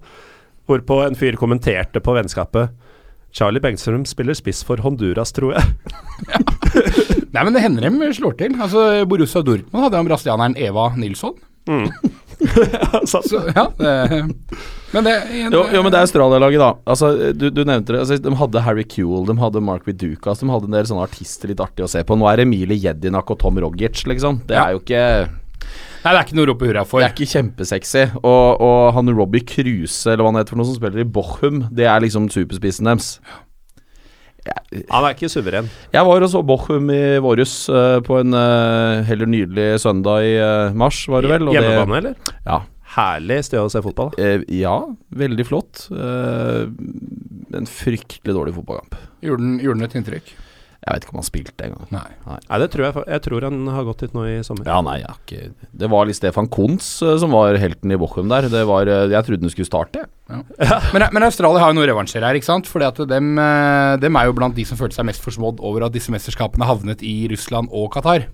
For Australia ville jo ha VM, antageligvis 22-20, tror jeg. Eh, men de kommer inn her vet du, og skal, skal, vir skal virkelig røre til den gruppa der. Så det blir bra. Nei, nei, nei, de har ikke Det er, nei, det er, det er Nei, altså, kjempesvakt Australia. Frankrike vinner gruppa, det er jeg helt sikker på. Ja, De har et så fryktelig spennende lag nå, med så utrolig mange bra spillere. Rabot er jo Altså, han har jeg faktisk Jeg har sett litt i fransk liga, faktisk. Bra. Ja, ikke så gærent. Han er bra. Og så, øh, så Frankrike vinner den, og så står andreplassen mellom Danmark og Peru. Ja, så er det jo øh, Det er vel kanskje et fransk lag som for første gang på en stund ikke er fylt med scumbags. Altså, det kan kanskje gå an å ha litt harmoni og litt hygge i den gruppa òg. Uh, eh, Det har jo ofte vært et problem for Ja. dem når de har kommet til mesterskap. Jeg, jeg har jo alltid, uh, bare sånn på default nesten, altså automatisk håpa at Frankrike skulle ryke i ethvert mesterskap. Ja, okay. Men det, det, sånn var det ikke til EM sist. Nei. Da syns jeg at uh, det laget her så så spennende ut at jeg fikk litt sansen for dem. Og det Samme følelsen sitter jeg med nå, og jeg vil faktisk si at jeg utpeker Frankrike til min favoritt til å vinne hele mesterskapet. Altså som Du tenker fra et rent sportslig perspektiv, eller hva du håper på? Eh, rent sportslig, men eh, litt avhengig av hvem de møter, så kan det godt hende at jeg kommer til å holde litt med dem også utover. Ja. Eh, Over, over Marokko og Iran. For eksempel, men også over uh, sånne scumbag-lag som Argentina og, og England. Ja. Dersom du skulle treffe disse. Hei sann, ja, det var jo også ting å, der kom den. ting, ting å melde. Og Så er apropos Argentina. Ja, du Ja. skal videre? Nei, jeg synes- du skal ja. ikke videre, mener jeg. Nei, det er jo Danmark da som er igjen i gruppa der. Ja. Altså, det, Og de, de har jo sjans, som vi sa. Ja, de, de skal være Jeg er Frankrike og Danmark går videre der. Det er helt overbevist. om. Måten Danmark eh, kom seg til, eh, til dette mesterskapet på, syns jeg Mm. man også kan prate noen sekunder om, altså. Ja, det, det må være lov å gjøre, fordi eh, den eh, bortematchen i eh, Irland Ja. Uh. Det var Den- maltraktering. Ja. Jeg, jeg så lagoppstillinga, og det første som slo meg var Jeg har sett lite Danmark eh, de siste årene, men det første som slo meg var at dette er desidert beste mannskapet i Skandinavia på papiret. Og i den matchen så viser de virkelig på banen også hvor, eh, hvor eh, skapet skal stå. ja. Og noe så sjelden som en norsk trener som lykkes. Det er jo så gøy. Ja, det ser man ikke ofte. Det er han og Arne Erlandsen. Helt riktig. Ja, det er helt riktig. Ja, men uh, vi, vi ser på Danmark som uh, nestfavoritten i gruppa. Ja, gjør vi ikke det? Jo. Jo, Ja. Så får Peru være en eh, dark horse, og Australia er allerede ute og kan reise hjem fra Russland før det har begynt. Begynne å planlegge VM 2026 på hjemmebane. Men så var det da, apropos Argentina, som det scumbag-laget jeg nevnte. De skal møte eh, i gruppe D Island, Kroatia og Nigeria. Og her kan det jo bli veldig spennende. Ja, er, er det den beste gruppa? På papiret så er det nok det. Og så er det, så er det jo litt, litt det du tok opp i stad. Nigeria er jo liksom Det er jo det typiske landet hva gjelder agentstyring og klubbstyring osv. Hva kommer Nigeria med, da? Ja, men Det vet man jo ikke. Altså, altså Kommer det med de beste spillerne sine? De som er ute i Europa og leverer på høye nivåer? Eller kommer det med et eller annet uh, rør? Det er, det er et utrolig interessant spørsmål, for det veit man jo aldri. Nei? Men det sies at det er mye bedre harmoni i og rundt det landslaget, og da snakker vi om forbundsnivå, enn det stort sett tidligere har vært. Ehm, så der virker det som om ting nå er bedre organisert. Der har det jo vært så altså det, Der har det jo vært mesterskap som har vært på vei til hvor flybilletten ikke er betalt. og altså Det har vært så mye surr. Uh, men visstnok nå så er ting, uh, ting mer rosenrødt enn det vanligvis er i, uh, i Nigeria.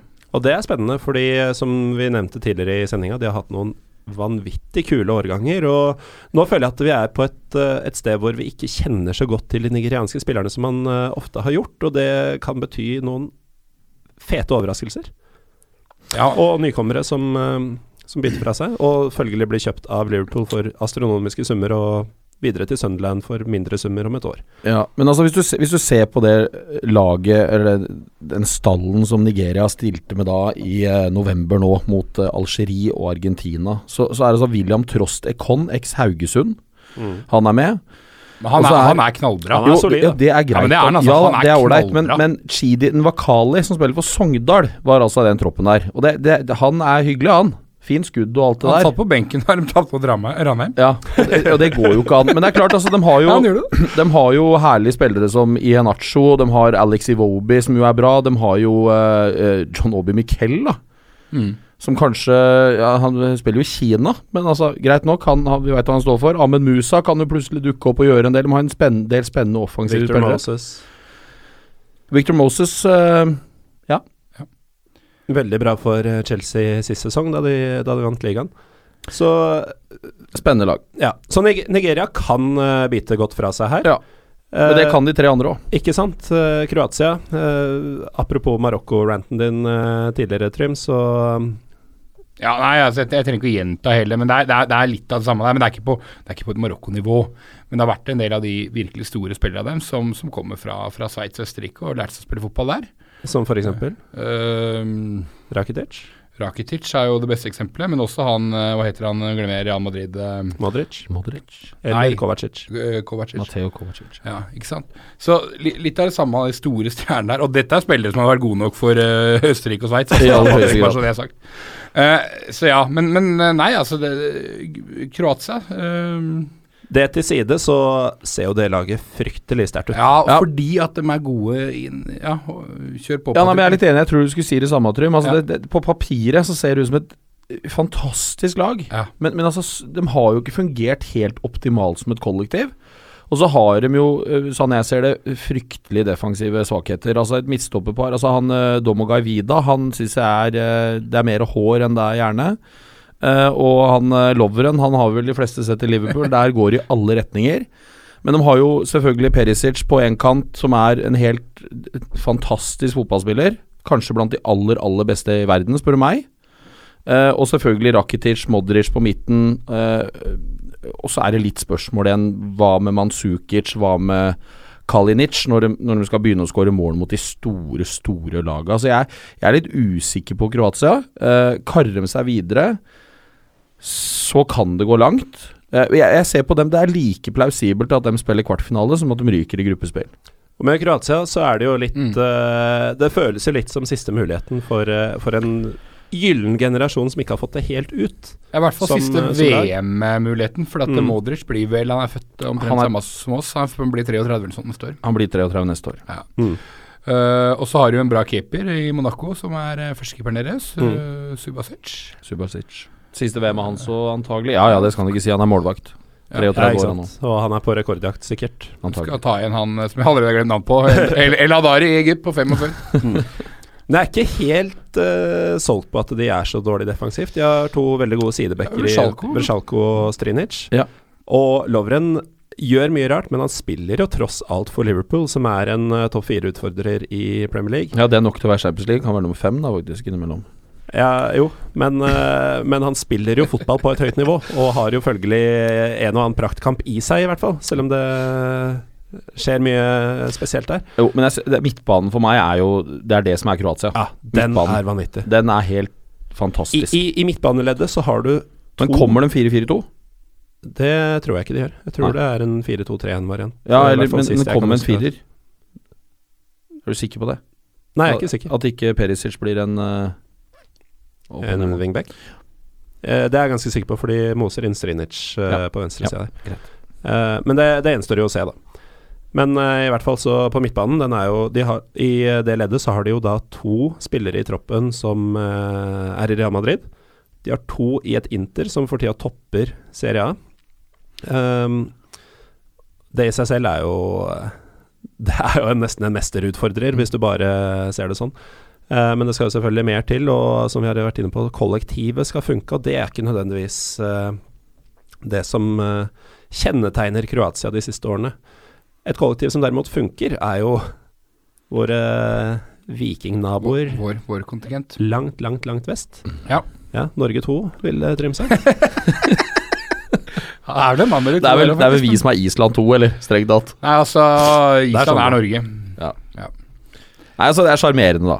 Det er jo det, ikke sant. Ja, men- altså, det, er, det er 300 000 innbyggere og hele den biten der, og var med i EM sist. Og det, det, det kollektivet de har Altså De har én superstjerne, og det er ja. Gylvi Sigurdsson. Han Ja. er fantastisk fotballspiller.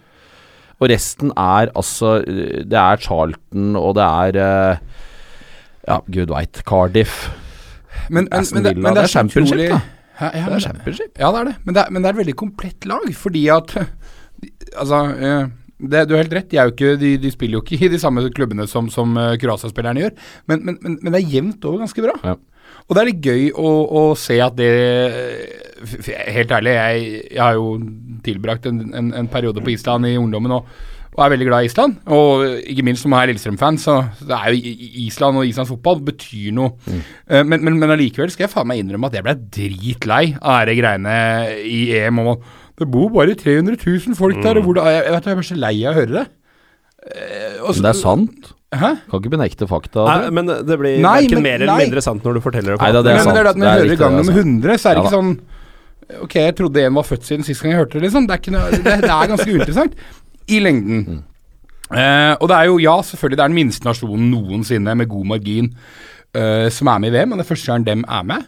Eh, men, men, jeg, men, men poenget mitt var, det, det jeg ville fram til, var egentlig at jeg syns det er gøy å se at det var ikke bare en sånn blaff. Det var ikke sånn her Latvia 2000 at de klarte å ramle inn, og så, og så er de borte igjen. De, de er såpass bra. Skal vi til Marians Pahars nå?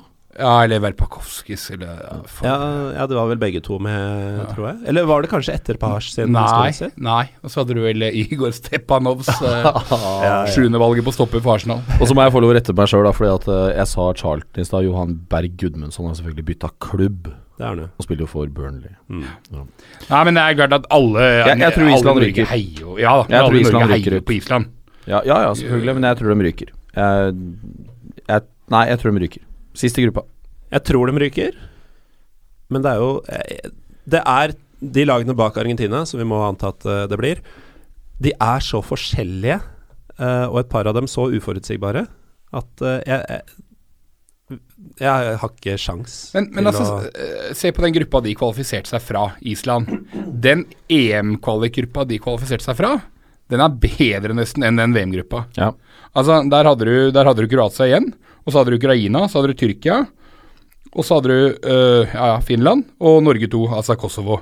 Uh, så Jo, men ikke sant? Uh, det er ikke noen umulighet at Island kan gå videre fra gruppe D hvis Kroatia plutselig surrer til og ingen i Nigeria har betalt for flybillettene. Det, er, det, det, det kan, de kan overraske Ja nok en gang. Jo, Men at man Det er, ikke, det er jo nærmest naturstridig at de over tid skal klare å altså, spille seg videre fra gruppespill til gruppespill. Nei, det er klart. Så må vi jo snakke litt om Argentina, og kanskje jeg skal belyse scumbag-kommentaren min. Ja, det syns vi. Én ting er jo at de har Mauro Icardi, og så kunne jeg bare Ja, men har, de det? Er jo, et, øh, Jo, han har spilt noen kamper nå i det siste. Ok, For han har jo i stor grad ofte vært litt bannlyst. og- Han spilte mot Russland 10.11., faktisk. Uh, er ikke ikke sant. Ja. uh, og kan jo da bringe enda en ny dimensjon til dette meget stjernespekka angrepet de har. Ja, det er helt Ja, det er helt Men jeg, jeg kunne nevnt han, og så hadde jeg at ryggen eh, bar. eh, Ja, men jo, men- det- men Men, sagt, men, ja. jeg, må, jeg må bare skyte inn at jeg, jeg- kan ikke fordra Lionel Messi. Jeg syns at når du er så god, så må du ha en sånn eh, Zlatan eller Ronaldo-type sånn kvalm personlighet. Du må, du må vi, vise at du veit at du er best. Du syns han er for ålreit, du, rett og slett? Ja, han har skjerpa seg litt de siste årene. litt mer rasshøl, ja. ja, med litt tatoveringer og farge hår og snyte på skatten og sånn, men uh, han var for god eller sånn For ydmyk så lenge at uh, han kler ikke den rollen som Ja, verdens er beste. Er fotballspiller. Ingenting som er mer usmakelig enn en sympatisk idrettsstjerne. Nei, ikke stjerne. Sy en sympatisk gjeng som uh, trekker sammen og mot alle odds Ja, noe eh, vinner, sånn som, sånn som Lillestrøm. Det er helt herlig. Ja. Men er du best i noe, så skal du også være drittsekk. Sånn, så Messi skulle hatt en Maleri Martin-innstilling. Ja, da Jeg må ærlig innrømme at jeg, jeg, jeg liker jo Messi veldig godt. Jeg Ja. gjør det. Folk gjør jo det. Ja, Ja, merker det er det er ikke så mange Ja, og jeg er jo folk. er så sympatisk. Jeg er folk. Og det er Men når det er sagt, da, det Argentina-laget altså Du Ja. sa i stad at det, det er liksom dette er å surfe gjennom og sånn, det er jeg ikke sikker på, altså. Fordi at det, enten så er det Altså, jeg klarer ikke å sette fingeren på hvem det er som mangler her, men jeg syns det mangler noe. Ja, det mangler noe på keeper og forsvar. Ja, Romero og litt han skal stå, og så Forsvaret skal Mascherano spille stopper, eller hva skal skje? Otamendi er selvfølgelig en fantastisk bra fotballspiller, men, men uh, hva skjer ellers der?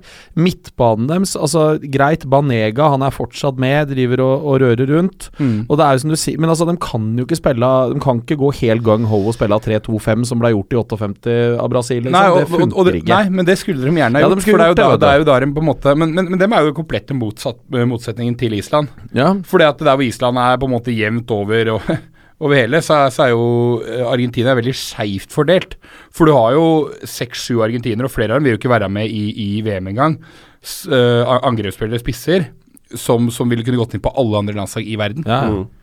Uh, Jeg tror laget er veldig ubalansert. Altså, jeg Ja, altså, hvordan, hvordan spiller du med, med Higuain, eh, Icardi eh, eh, sammen med Dybala, Di Maria, Messi, Aguero samtidig? Du, du, du gjør jo ikke det. Og det Nei. betyr jo at her er det noen ordentlig gode fotballspillere som ikke får vært med, eller som ikke får starte. Og da betyr det at da har du noen superstjerner som ikke er fornøyde. Og da kan du få litt eh, oppkok i, i gruppa, ikke sant? Mm. Um, og ja, som du påpeker, Morten, det er eh, eh, det er ålreit med spillere som er usympatiske, eh, og der tror jeg Argentina har et par kandidater. Eh, Og, og de, de, eh, og de, de holdt jo på Men det er liksom merkelig, for at Så det er ikke Altså, det er vanvittig mye stjerner der. Ikke fungert spesielt bra i kvaliken. Kom videre med et nødskrik. Er ikke 100% sikkert at de er den gruppefavoritten som, eh, som man automatisk ser dem som når man ser eh, lista her. Nei, den gruppa er helt åpen. Det er helt åpen. Ja, ja, ja, igjen. Det er den på papiret sterkeste gruppa. Syns jeg. Antakeligvis. Ja. Fort det. Gruppe E, da. ja. Og nå blir det snart uh, kosetid for uh, Trym Hogner. Vi skal bare snakke litt om Brasil, Costa Rica og Sveits først, før vi kommer til eh, Serbia, som er tilbake. Skal, vi kan jo starte med toppen, da, for en gangs skyld. Den forventa toppen, i hvert fall. Brasil. Skulle liksom ta det på hjemmebane sist. eh, Neymar skada seg. De ble maltraktert av tyskere som eh, Ja, hva fæl, hva fæl kamp å sitte og se på. ja, For meg som holdt med Tyskland, så var det jo ikke Jo, det. jo, men ikke sant ment, men altså, det er jo, det er jo det er Det- det jo grusomt være å se sånn. en hjemmenasjon ryke Det, det rant inn. Jeg, Det er jeg verst, altså. heide på Brasil i utgangspunktet på den kampen, og så stiller spillerne seg opp på banen. Og så står de forbanna idiotene i gule drakter og holder opp trøya til Neymar. Ja, nei, det Mens de begynner å grine. uh, fordi at han hadde slått seg litt i ryggen, skulle ikke være med i den kampen. Så du endra tilhørighet i grevens tid, da. Ja, så til de grader, ass. Mm. Ja, det det, er, av, alt, av alt jeg hater i moderne fotball, så er det spillere som møter opp med T-skjorte med bilde og navnet på en eller annen sullik fordi han ikke kan være med på treninga i morgen, eller fordi han uh, er suspendert en kamp. Det der er jeg så dritlei allerede, altså. Ligger Nei, hjemme. Der er jeg helt enig med deg. Ja, Jeg er usikker. Jeg er litt det samme for meg med Brasil som det er litt med, med, med Argentina, selv om selvfølgelig Brasil har flere navn, eh, navn i forsvarsrekka, med Daniel Alves, Miranda, Alexandro i Juventus, selvfølgelig Marcelo, fantastisk, Marquinhos, Thiago Silva, men De ser ut til å ha et bedre balansert eh, lag enn en Argentina, og ikke minst så blåste gjennom kvaliken. yes. Det gjorde dem. Men jeg tror at nøkkelen her, i hvert fall sånn ut ifra det jeg har sett av internasjonal fotball den siste tida, det er at det må ha balanse i midtbanen. Jeg tror at Casemiro og Fernandinho må spille. Spiller de to sentralt, og så lar de på en måte Hva de nå heter, alle disse andre. Altså Neymar og uh, Jesus og disse her. Får lov til å holde på akkurat som de vil offensivt. Full Mm. balanse. Og så slipper du Marcelo og Daniel Alves som nå tønner oppover kanten her, kjører på. Da blir de farlige. Da har du greier på gang. Ja, og, altså, og, og selvfølgelig tilbake til den Tyskland. De har jo mye å revansjere her. Mm. Og det, det betyr nok noe i en spillergruppe også, når du har så mye talent, og så kommer de med fannivoldskhet om at vi skal faen meg revansjere det som skjedde på hjemmebane. Ja. Og jeg, jeg syns det generelt ser, eh, ser sterkere ut og har flere strengere å spille på enn de gjorde før 2014. Da følte jeg at veldig mye sto og hang på Neymar, som, eh, som var uferdig i forhold til hva han er nå, fire år seinere. Eh, nå er han klar for å aksle den byrden, og kanskje litt mindre byrde av å ikke spille på hjemmebane også. Eh, men han har flere rundt seg som kan, eh, kan hjelpe ham på veien, bl.a. av Jesus, som, eh, som nevnt. Jeg er bare redd for én ting, og det er at de faller for romantikken. Og så blir det fryktelig mange offensive spillere der òg, og så blir det ubalansert. Jeg er litt redd for det. Ja, men det blir gøy, da. Det gjør det. Det blir gøy. Men det blir ikke VM-gull. Nei, og så kan det bli tøft. Det, altså, de går jo videre, selvfølgelig, men det kan bli tøft allerede i gruppa hvis det blir for mye av akkurat det du sa der. Mm. Fordi at både Sveits og Serbia kan forsvare seg. Ja, og det ja, Vi skal sette av en Mm. liten egen del til nettopp Serbia, men uh, Sveits og Costa Rica er sånn her typiske eh, bli nummer to i gruppa og være sånn ganske vanskelig å møte, men aldri nå lenger enn i beste fall kvartfinale-type lag. Sveits er verdens kjedeligste fotballand. Er det ikke det? Jeg syns det er så trist. Og, og sveitsere generelt, de er jo sånn altså, De er jo faen meg mer sjølgode enn det vi er i Norge. Ja, men altså, der, der, der slås det jo opp Hvis Sveits taper mot Canada i hockey, f.eks., det er sensasjon der nede. Hvis Sveits taper mot eh, Brasil i fotball, det er sensasjon. Ja, men de er sånn. Sveitsere er At de helt har fått lov å møte disse lagene? Det er helt sjukt. Men altså, det er altså så sjelløst og så døvt, det laget her. Stefan Lichtsteiner, verdens døveste synes Kaptein og ledestjerne. Nei, han er ikke kul. Granit Sjaka som flyr rundt og sparker ned folk. Han er kul.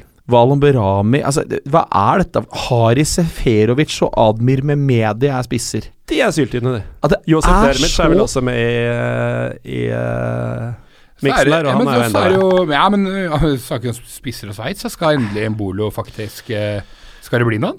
Drel Brel Embolo. Mm? Da må det skje noe i løpet av neste Han halvår. er 20 år gammel. Han, er jo Nei, men jeg, sy jeg syns Sveits er altså så kjedelig. Jeg synes Det er møkk kjedelig. Håper hun blir bånn sist i gruppa, med null poeng. Det føles som du snakker både om landslaget og landet. ja, egentlig. ja, ja. Eh, hva er det som har farga det andre? Eh, var det landet eller fotballaget? Nei, altså det er, det, det, det, jeg- det er lenge siden jeg var i Sveits, for å si det sånn. Så jeg skal ikke påstå at jeg sitter med så veldig mye minner derfra. Eh, annet enn at det var noe fjell, husker jeg. Jeg har veldig gode minner fra Sveits. Det var der i fjor. Se det, det var ikke jeg. Uh, men altså, nei, jeg syns det fotballaget Jeg synes det bare er bånn kjedelig. Jeg syns det er kjedelig å se på det, men jeg syns- alt er kjedelig. Men det er jo, det er jo litt det, I et historisk perspektiv også, er det mye sant i det du sier. Det er ikke, det er ikke ofte at Sveits har hatt den der ene supersexy spilleren, altså. Ikke i noe mesterskap. Nei, det Altså, Det var vel eh, Georges Bregy som skåra et fantastisk frisparkmål i 94-VM, um, om det var mot USA, lurer jeg på. Eh, og det er vel det jeg husker av Sveits i Ja, VM-historien. og Alain Sutter med det dumme, lange håret som flagra. Nei, Han minna litt om meg før jeg raka. Lot de okay. pistrette lokkene være akkurat noen år for lenge. jeg velger å ikke kommentere det. Ikke kommenter det. Costa Rica er vel også vanskelig å kommentere noe særlig om. Altså, det, er, det, er, det er Sunderland sin mulighet da, til å få med en uh, spiller. Brian Oviedo Ja vel. er jo fra Costa Rica. Han forsvinner vel i vintervinduet antageligvis, men eh, det er muligheten. Nei, altså, Costa Rica, det er jo Jeg husker liksom VM 90. Olle Nordin trener for Sverige. Ryker mot eh, Costa Rica her. Ja, men det, det er et av de sterkeste minnene jeg har fra det mesterskapet. Sjokket, ikke sant? Costa Rica, lille Costa Rica, kommer og tar ut da svenskene. Eh, her også har vi jo en del norgeskjenninger da i, i. Borges og Christian Gamboa blant annet. Mm. Så eh, for de som holdt på å si eh, har hatt gleden av å se dem eh, bekle dre, norske gresstepper, det Ja, sikkert ålreit, men altså, jeg har ikke noe følelse noen vei for Costa Rica. men gjerne gå videre for min del, bare jeg slipper Sveits. Muligens et dumt spørsmål, men er Christian Polanios fortsatt i miksen, eller la han opp for uh, han er vel ute her nå. Han har vel vært i eh, i USA, men jeg tror ikke, og MLS, men han spiller vel ikke på landslaget i hvert fall lenger. Jeg lurer på om han faktisk dro tilbake til Deportivo Ja. Saprissa eller noe sånt. Ja. Men Bryan Ruiz, Brian Han er med. han er med, vet du. Ja. Han er jo Og Keylor Navas. Ja, men han er sexy, Mm. ikke sant? Han er er sexy. sexy fotballspiller. Nei da, men, men, men, men de har et øh, De har et decent lag. Husk at de har en bra keeper Mm. i Keller Navas. Uh, og så i tillegg så er det jo øh, Marco Urenia, som nå er i San José i MLS, er en decent spiller. Så det er, øh, det er et o- o- o- o- OK lag. Uh, at de antageligvis ikke skal videre i den gruppa der, det er vi jo på en måte enige om. Mm. Joel Campbell, gamle Arsenal-spilleren. ja. Han har 76 landskamper. Hvor gammel er han? 25 år. 25 år. Og så kan jo, kan jo også David, David. David Vega fra Brann kan bli, men det kan vel også noen andre Det er vel noen andre norgeskjenninger som fort kan, øh, kan dukke opp der, og det er litt gøy, da. Roy Miller har vært med, han var vel i Bodø-Glimt. Ja, Og. Rosenborg, Venstrebekk. Eh, ja. ja. Ja, ja, han var det. Han var det. uten at noen husker det. Men uh, kort fortalt så ser Brasil meget sterke ut. Costa Rica kan gjøre noe. Sveits ser kjedelig ut. Og så, Trym, ja. Serbia. Ja. De har du en softspot uh, for. Hva sier du? De har vi en softspot uh, for. Ja, vi, det, ja, vi har jo det. Uh, så er det jo litt, eh, det er jo litt gøy eh, med Serbia-Sveits, ikke minst. Fordi at Sveits er stappfullt av albanere. Uh, kan jo kalles Albania 1. Eh, så, så, så det blir jo et oppgjør i oppgjøret der. Uh, Sveits er jo egentlig stappfullt av balkanspillere generelt sett. Men det er, det er ti år vel siden Eller mer enn det? Det må det jo være. Tolv år, kanskje? Er det 2006 eh, Serbia sist var med? Ti? Ja, ja, det er kanskje det. Så det er ikke så lenge siden. Det har vært ett mesterskap. Nei, men det er klart at det eh, føles lenge. De var med i Sør-Afrika, eh, det var dem. Og da gjorde de det vel ikke så bra, fordi eh, Ja, nei, det gikk ikke så bra. Uh, ikke med i Brasil, og har jo ikke vært med i EM heller på en, uh, en god stund. Mm. Så, så det er gøy. Serbia høster jo nå litt, endelig litt fruktene av noen innmari gode uh, U-landslag. Mm. Og der har det jo ofte vært litt sånn uh, opp og ned med mange land, at det er mange som har hatt noen sånne gode U-landslagsgrupper som har vunnet noe U17 noen U19 og noe U21 og sånne ting, og så er det ikke alltid at det betyr at eh, A-landslaget blir veldig bra et par år seinere. Bare å se på England, ja. Ja, og øh, Norge har jo heller ikke helt fått øh, ut kanskje alt øh, saften av de unge fruktene der ennå. Så, så, så det, er, det, er, er flere eksempler på det. Men, men Serbia begynner nå å, å, å høste litt av disse fruktene, og, og, og vant en, en kvalgruppe som øh, ikke hadde noen sånn veldig svære lag, men som hadde, var jevnt over uh, ganske god gruppe. Eh, det var jo ikke sant, Irland som da til slutt røyk for Danmark.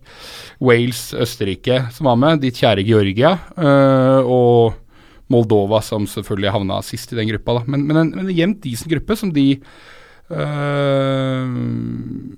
Ja, som de vinner, faktisk. Så det er Av de landa du nevnte, inkludert Serbia, så er det eneste landa der som jeg ikke har vært i eller har kjøpt billett for å dra til i nær framtid, det er Wales og Irland. Ja. Det er ganske skada. Er ikke veldig sånn anglofil av deg, du, Morten. Tydeligvis ikke. Nei, men, men med Serbia, det er jo gøy å ha med igjen, og så, er det, så, så vinner man gruppa. Uh, uh, solid. Mm. Uh, og hva gjør man da, rett etter at man har vunnet gruppa og kvalifisert seg til første mesterskap på drittlenge? Jo, da sparker hovedtreneren din. Selvfølgelig. Velkommen til Beograd. Eh, Det er helt fantastisk. Så uh, Slavojub Muslin, som har trena laget der, han fikk beskjed om at uh, Nei, dette, dette var kjedelige greier, det var ikke offensivt nok, til tross for at de skårte mest mål i, i, i gruppa også. Uh, og fikk beskjed om å pakke, pakke sakene og uh, reise. Mm. Uh, og per nå så er det usikkert hvem det er som faktisk skal trene Serbia i, som skal være trener i, i VM. Eh, tidligere Partisan-helt uh, Mladen Kustajic, som nå er eh, en slags interim eh, trener. Mm. Eh, men om det er han som blir videre, eller hva som skjer, det, det vites ikke. Eh, så det er jo sånn veldig veldig stort spørsmålstegn ved, ved Serbia. da. Eh, det påstås jo også at en del av eh, eh, kritikken eh, mot eh, trener. Muslin eh, var også at han ikke har eh, brukt nok av disse unge spillerne som har uh, vært bra, bl.a. da Lazios uh, Milinkovic Savic, ikke sant? som, som foreløpig egentlig har spilt veldig veldig lite på, på det serbiske A-landslaget. Men, men igjen, altså kvalifiserer til mesterskap, og så skårer flest mål, og så får du sparken. Det er jo det er, det er veldig spesielt. Det er, det er noe herlig balkansk Det er noe, det er noe veldig Balkan over det. Men uh, noe av det jeg hadde tenkt å spørre dere begge om, er jo eh, hvilke lag dere vil følge ekstra tett, og her har vi vel funnet uh, ditt, Trym? Ja. Du var vel der nylig også? jeg kom tilbake fra Serbia holdt på å si, for å se cupfinalen med Mel Galvez. Uh, var ikke akkurat sånn det var. Men jeg har akkurat vært i Serbia for å se Partisan mot Young Boys. Så jeg hadde en sånn Uh, Ja, det var ikke en ukes tur, men fem, fem dager sånn i, i Beograd nå. Um, Fett nok. Ja, det var helt fantastisk. Um, Partisan, som også har vært ute av Europa i en del år, kvalifiserte seg igjen til Europaligaen og går faktisk videre. Ja, I en akkurat- decent gruppe med Young Boys som leder sveitsiske ligaen. Eh, og Dinamo Kiev som selvfølgelig til slutt vinner gruppa, men, men allikevel. Og Skenderbøy fra Albania. Og apropos det, så har i kveld uh, Svesta, altså Røde Stjerne, slått Køln Kjøln, mener jeg. 1-0. Mm. Uh, og også gått videre fra gruppa. Så det, det er jo virkelig noe på gang tilsynelatende i serbisk fotball, med to klubblag videre fra De spiller jo en ganske bedriten liga, må Ja. jeg lov å si. De har nå to lag videre til eh, sluttspillet i Europaligaen, samt landslaget i et mesterskap for første gang på lenge. Og, og det snakka jeg med, med folk om jeg var der nede nå, at dette har vært et uh, vanvittig bra år for serbisk fotball igjen. Nettopp av de årsakene du nevner der. Eh, så det er god stemning. Når det er sagt, så er det ikke veldig mange spillere som er aktuelle for A-landslaget til Serbia, som spiller i verken Røde Stjerne eller Partisan. Nei, men det er jo Eh. signaleffekten i serbisk fotball generelt, at det her kan det være en ny eh, oppblomstring på gang. Ja, definitivt. Fordi at i Serbia er um, Serbia er jo et av de landene hvor du har hvor, hvor, idretten, hvor du har størst konkurranse mellom to idretter. Basketball er veldig veldig svært i Serbia, og, hvis, og det er ikke mer enn ni millioner mennesker der. Så hvis de skal fortsette å være ordentlig gode i fotball, så er de nok avhengig av at de endelig opplever litt av suksessen, sånn som man gjør nå. Slik at du, du opprettholder en viss interesse og en viss uh, glød rundt det. Um, så definitivt kjærkomment, uh, en, en kjærkommen opptur for serbisk fotball. Og så er det jo heldig for uh, serbiske fans at mesterskapet går akkurat i Russland. Ja, ja, ja, til de grader. Altså um, Serbia og Russland er uh, De er ortodokse brødre og bestevenner. Du, du, du kan ikke gå lenge i gatene i Beograd uten at du ser det russiske flagget, som jo egentlig bare er det serbiske flyet snudd opp med. Uh, og Gazprom-logoen den flagrer flagger jo på både draktene til Svesta og rundt over, overalt, så så, så det er meget Der er det god stemning. Så det kommer til å være mye uh, støtte for Serbia i, uh, i Russland. Det er ingen tvil om. Eh, og du, Patrick, vil jo selvfølgelig følge Sveits ekstra godt, så dette Ja. er jo på en måte vår gruppe, dette. Det er hatkampen mellom Patrick og meg. Det er når Serbia skal møte Sveits. Men er det England for deg, eller, Nei, Patrick? nei da, det er ikke det. Altså, jeg Jeg, jeg er frista til å si, altså sånn fra gammelt av, da, som sagt 90, Goicochea, eh, Maradona 94 osv. Hatt et sweet spot for Holland i mange år. Dem, er jo, dem deltar jo ikke. Nei. Glemte å melde seg på eller et eller annet. Jeg vet ikke helt hva som skjedde der. Ja, Ehm, jeg har egentlig, for å være helt ærlig, ikke plukka meg ut noen stor favoritt. Men det er klart at er det noen uh, dukker f.eks. Anton Uja opp og Nosa Gebor opp i Nigeria, så skal jeg stå på barrikadene. Ja. det må Det må være greit. Men uh, apropos uh, Eller Marco Tagbayumi. Altså, han har italiensk Øredøvende stillhet. Italiensk pass, tror jeg. Og, dem glemte vel også å melde seg på den gangen. Her, Ja. ja. Ellers hadde vi sett han i Gliazzuri-drakt. eh, ja, det, det hadde. alt tyder på det, Fast straffeskytter. antagelig. Men uh, du er inne på noe som vi også må adressere før vi går videre til de siste tre gruppene, Patrick. Nemlig land som ikke er med. Mm. Italia og Nederland, eh, to av de største selvfølgelig. Chile har vi nevnt tidligere. Trym, du uh, var jo i sin tid uh, Var det president i, i et semiprofesjonelt eh, lag i South Carolina, USA. Det er riktig. Og du, første gang, nei, andre gang du var med i Pyro, så snakka vi også om fotball i USA. Ja. Du savner USA i dette mesterskapet? Ja, jeg, jeg må på å si jeg, jeg savner USA, punktum.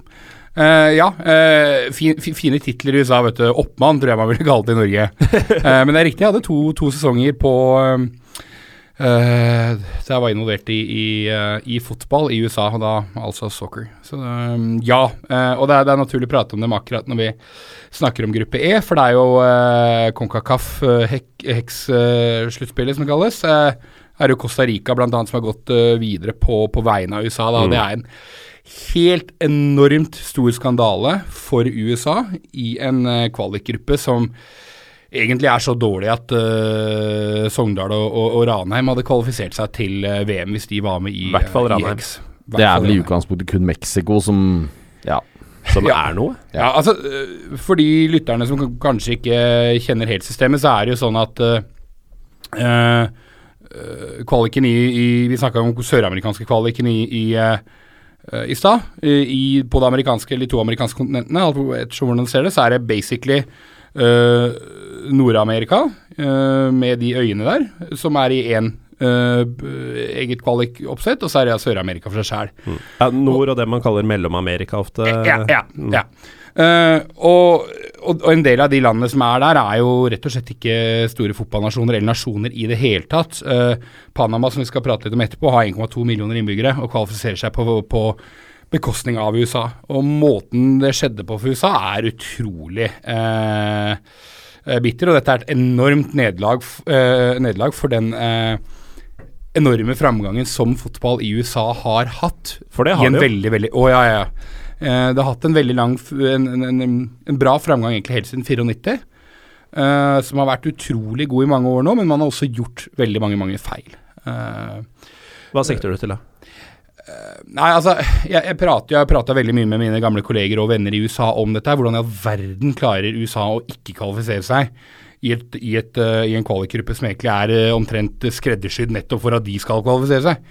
Uh, og de, og da, da, da prates det mye om ikke, ikke bare det landslaget hvordan det er nå, men hvordan fotball i USA organiseres på et yngre nivå osv. Uh, det er fortsatt sånn at selv om fotball er den desidert største idretten i USA i antall utøvere. Det er mye flere som spiller fotball enn baseball, basketball, amerikansk fotball osv. Men allikevel så er det liksom den hvite uh, upper class som spiller, uh, stort sett. Og fra et veldig ungt nivå så er det det man kaller pay to play. Og Det betyr at det er faktisk jævla dyrt hvis du skal ha en 6-7-8 år gammel uh, unge som skal spille klubbfotball i USA. Og det mener veldig mange er negativt. Fordi at som man veit, de store, de, de rå talentene, LeBron James og uh, Beckham jr. og disse her sånn som spiller andre idretter, uh, kommer stort sett ikke fra bakgrunner der familiene har muligheten til å betale 2000 dollar i året for å, for å drive med idrett. 2000 dollar i året? Mhm. Det er ikke uvanlig. Nei. Da er det jo ikke rart at de har, har et lite setback. Det er rart at det har gått så bra som det har gått eh, over en del år. Jeg, Ja, nå skal det sies at vi, vi hvite middelklasse pluss USA er en ganske stor Du har noen hundre millioner øh, omtrent i den, i den pulja, da. Noen hundre millioner. Ja, 100 millioner omtrent har den nok der. Det er, det, er mange, det er mange utøvere der, men det er ikke de som blir de ekstremt gode utøverne. Eh, og så kunne jeg rante om det her i timevis. High school som på en måte øh, er veldig ødeleggende osv. Dette så jeg veldig tett Eller så jeg jo med egne øyne, jeg var tett på det der nede. Eh, men, men uansett, da man går inn i en kvalik her sånn i, i, i en gruppe som man alltid skal være videre med sammen med Mexico, og så er det litt sånn tilfeldig hvem andre som får være med. Noen ganger kan være Costa Rica, det kan være Jamaica, det kan være Trinidad osv. Men den er, den er skreddersydd for at Mexico og USA skal være med i hvert eneste VM. Uh, man begynner med at man taper uh, kvaliken både mot Mexico og Costa Rica, to første matchene. Da får Jørgen Klinsmann sparken, og får en sluttpakke på 6,2 millioner dollar. Eh, så da skjønner du også noe om at eh, det er en økonomisk styring som også er eh, i overkant. Og apropos økonomi, så kan man jo lure på hvor fornøyd Fox er med at de har betalt 400 millioner eh, for TV-rettighetene til VM, eh, som da USA ikke skal være med. Da snakker vi kroner. Eh, da snakker vi noen kroner, ja. Ja, det er gudskjelov for det. For de som vil høre Trym raljere mer om tilstandene i fotball i USA, så henviser jeg til episode nummer åtte fra i fjor eh, høst, da du og Petter Bø Toster Deadly duo i studio her. ja uh, var Prata mye MLS, da. Hovedsakelig MLS. Men, men bare også, skal, skal, skal snart avslutte her, men det er også skyting, ikke sant. MLS har eh, gått fra man, man har økt med ti ekstra lag de siste elleve årene. Og de fleste spillerne til USA, de fleste bra spillere til USA, spiller jo i MLS. Du spiller jo ikke i Europa. Uh, og det er klart at når du hele tiden ekspanderer ligaen, så sprer jo de, de store talentene mer og mer. Og så har du færre og færre spillere som har mange gode lagkamerater. Når det er sagt, øh, de taper en avgjørende match foran 1500 tilskuere i Trinidad og Tobago. øh, hvor det hadde holdt at de bare hadde fått uavgjort for å gå øh, til VM. Så dette er en Er nitrist? Ja, det er nitrist. Vi må eh, juice opp litt. Eh, Vi går til gruppe F, og der finner vi eh, alltid en av favorittene, Tyskland. Vi finner laget som kan finne på hva som helst, i enkeltkamper i hvert fall, Sør-Korea. Vi finner Sverige, alltid trauste og trygge. Og vi finner Mexico, som alltid er best i Latin-Amerika. Nesten. Hva tenker du, Patrick? Nei, altså Gedigen gruppefavoritt selvfølgelig Tyskland, og tar seg nok videre herfra veldig enkelt, med sju eller ni poeng, avhengig av hva de trenger i siste matchen, og hvor mange de velger å spare. Eh, ganske mye nytt i Tyskland, da. Det, det skal jo sies. Altså, det har jo kommet til litt nytt der nå siste åra, og det kan jo bli litt spennende å se det der. Um, men det er klart at det er en ting du veit om Tyskland, så er det at det er kvalitet uansett hva de plukker. De kunne hatt 100 mann som hadde bare valsa inn på de fleste andre la land i verden. Så det er fantastisk. Jeg syns kanskje det mest interessante der er jo at uh, akilleshæren har jo over lengre tid vært at de har mangla denne spydspissen. Ja. Uh, og de har jo alltid sverga til at dette skal være en stor og sterk type. Miroslav Klause, Birov. Birov før det. Uh, Ove Seler, Mario Gomez etter det. Ove Seler veldig lenge før det. Uh, men nå virker det som om de, uh, de faktisk uh, prøver å mose Timo Werner inn i Ja. den rollen, og han er jo en helt annen type. Morsom type, da, selv om han spiller i en uh, Han er uh, forferdelig klubb. Ja. Men, men la nå det være Det er ikke det vi skal sitte her og diskutere. Men altså en, en spennende, spennende spiller, og vært en eh, for de som spiller football manager, liksom en sånn typisk kjøp man har gjort de siste fire-fem åra tidlig i spillet, fordi man vet at han blir superstjerne. Mm. Eh, selvfølgelig veldig bra. Jeg, Tyskland valser igjen den gruppa her, som sagt. Sju eller ni poeng, avhengig av hva de trenger i siste kampen. Det, men, men det som er gøy med den med gruppe F, er det at jeg er helt enig med deg. Tyskland de, de, de skal bare rett videre. Ferdig med det. Mm. Men det er kanskje den gruppa der det er mest usikkert hvem det er som blir nummer to. Ja, jeg er litt enig i det, fordi at Sør-Korea du, du har, For oss eh, nordmenn så har du tre mann. ikke sant? Du har Lee i Crystal Palace, du har uh, Hengmin, so, so, Heng, Heng-min Son Jeg beklager min dårlige koreanske Son. Ja, eller Heng-min Son, som vi kan kalle den. I Tottenham. Um, og så har du jo uh, står det mutter stille for meg, siste Sik sikkert Park eller Kim. Nei, nei, det er ikke det, nå skjønner du. Det er uh, Ja, men hjelpe meg. Offensiv uh, spiller som er uh, Key. Key i Swansea. Ja. Tidligere Sunderland, åssen kunne jeg glemme det? Ikke, ikke altfor offensiv. Nei, men altså, en bra, han er en bra sentral stabilisator. Han er det. Mexico veit man veldig lite om. I hvert fall jeg. Carlos Vela kanskje det største navnet nå. Jeg vet ikke, i hvert fall det første jeg kommer på uten at jeg sitter og sjekker stallene deres. Og Sverige, der har jo Javier Hernandez er vel fortsatt Ja takk. Lille Erten, ja. Mm. Han er med. Eh, og Sverige også, som du sa i stad, litt sånn smågrått og trist. Eh, veldig bra spiller Emil Forsberg. Forferdelig klubb. Bra spiller. Det er jo Eh, den forferdelige klubbgruppa. men jeg, jeg, ja, det er det. Men jeg tror, for å være helt ærlig, at det som fort kan bli Sveriges bane her, er manglende kreativitet uh, offensivt. Markus Berg, greit, han har scora bra i kvaliken. Det er bra i kvaliken, ja. Ja, men han det er ikke i nærheten når du kommer oppå der. Og så er, er keeper- Medel Svensson. keeperen deres er for dårlig, altså. La, lagom, er ikke det også? Jeg er Medelsvensson opp. Medel er helt enig. Så jeg syns Sverige ser litt grå og trist ut. Jeg håper at Sør-Korea eller Mexico kan komme litt overraskelser der. Og jeg, jeg har ikke noen problemer om en av dem to går videre sammen med, med Tyskland, på bekostning av Sverige. Jeg, jeg, jeg er alltid litt sånn, Det har jeg alltid litt på på alle de nordiske lagene, men, men, men eh, Sør-Korea Man veit alltid at de har noe å by på.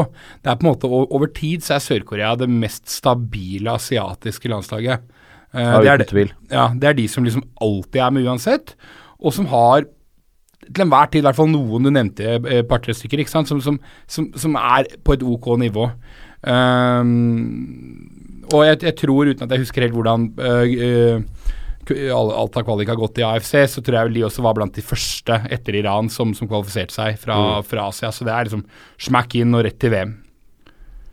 Ja, og uh, det er vel egentlig det som er å si her, i og med at man kjenner såpass lite til både Mexico og Sør-Korea, og Sverige er Sverige. Ja, altså Det er på forhånd en ganske kjedelig gruppe, men den kan bli spennende.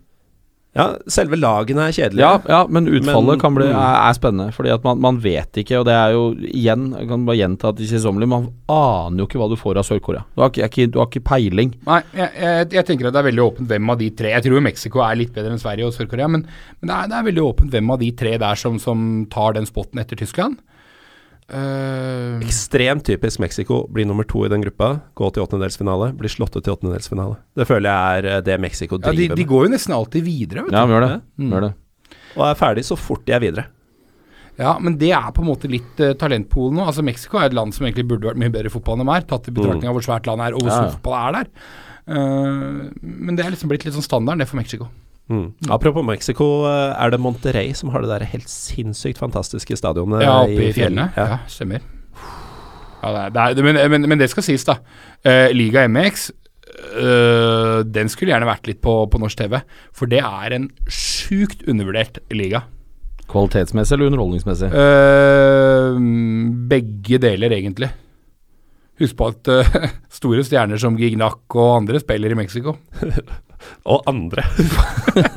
Nei, men, men, men Forhenværende store stjerner. ja, eh, Trym. ja, men, men, jeg var tull- tull. Nei, men, men, men det er vanvittig mye publikum, det er vanvittig mye trøkk på matcha. Eh, du har flere store lag. Uh, vanligvis har Mexico hatt masse spillere som spiller i hjemlig liga.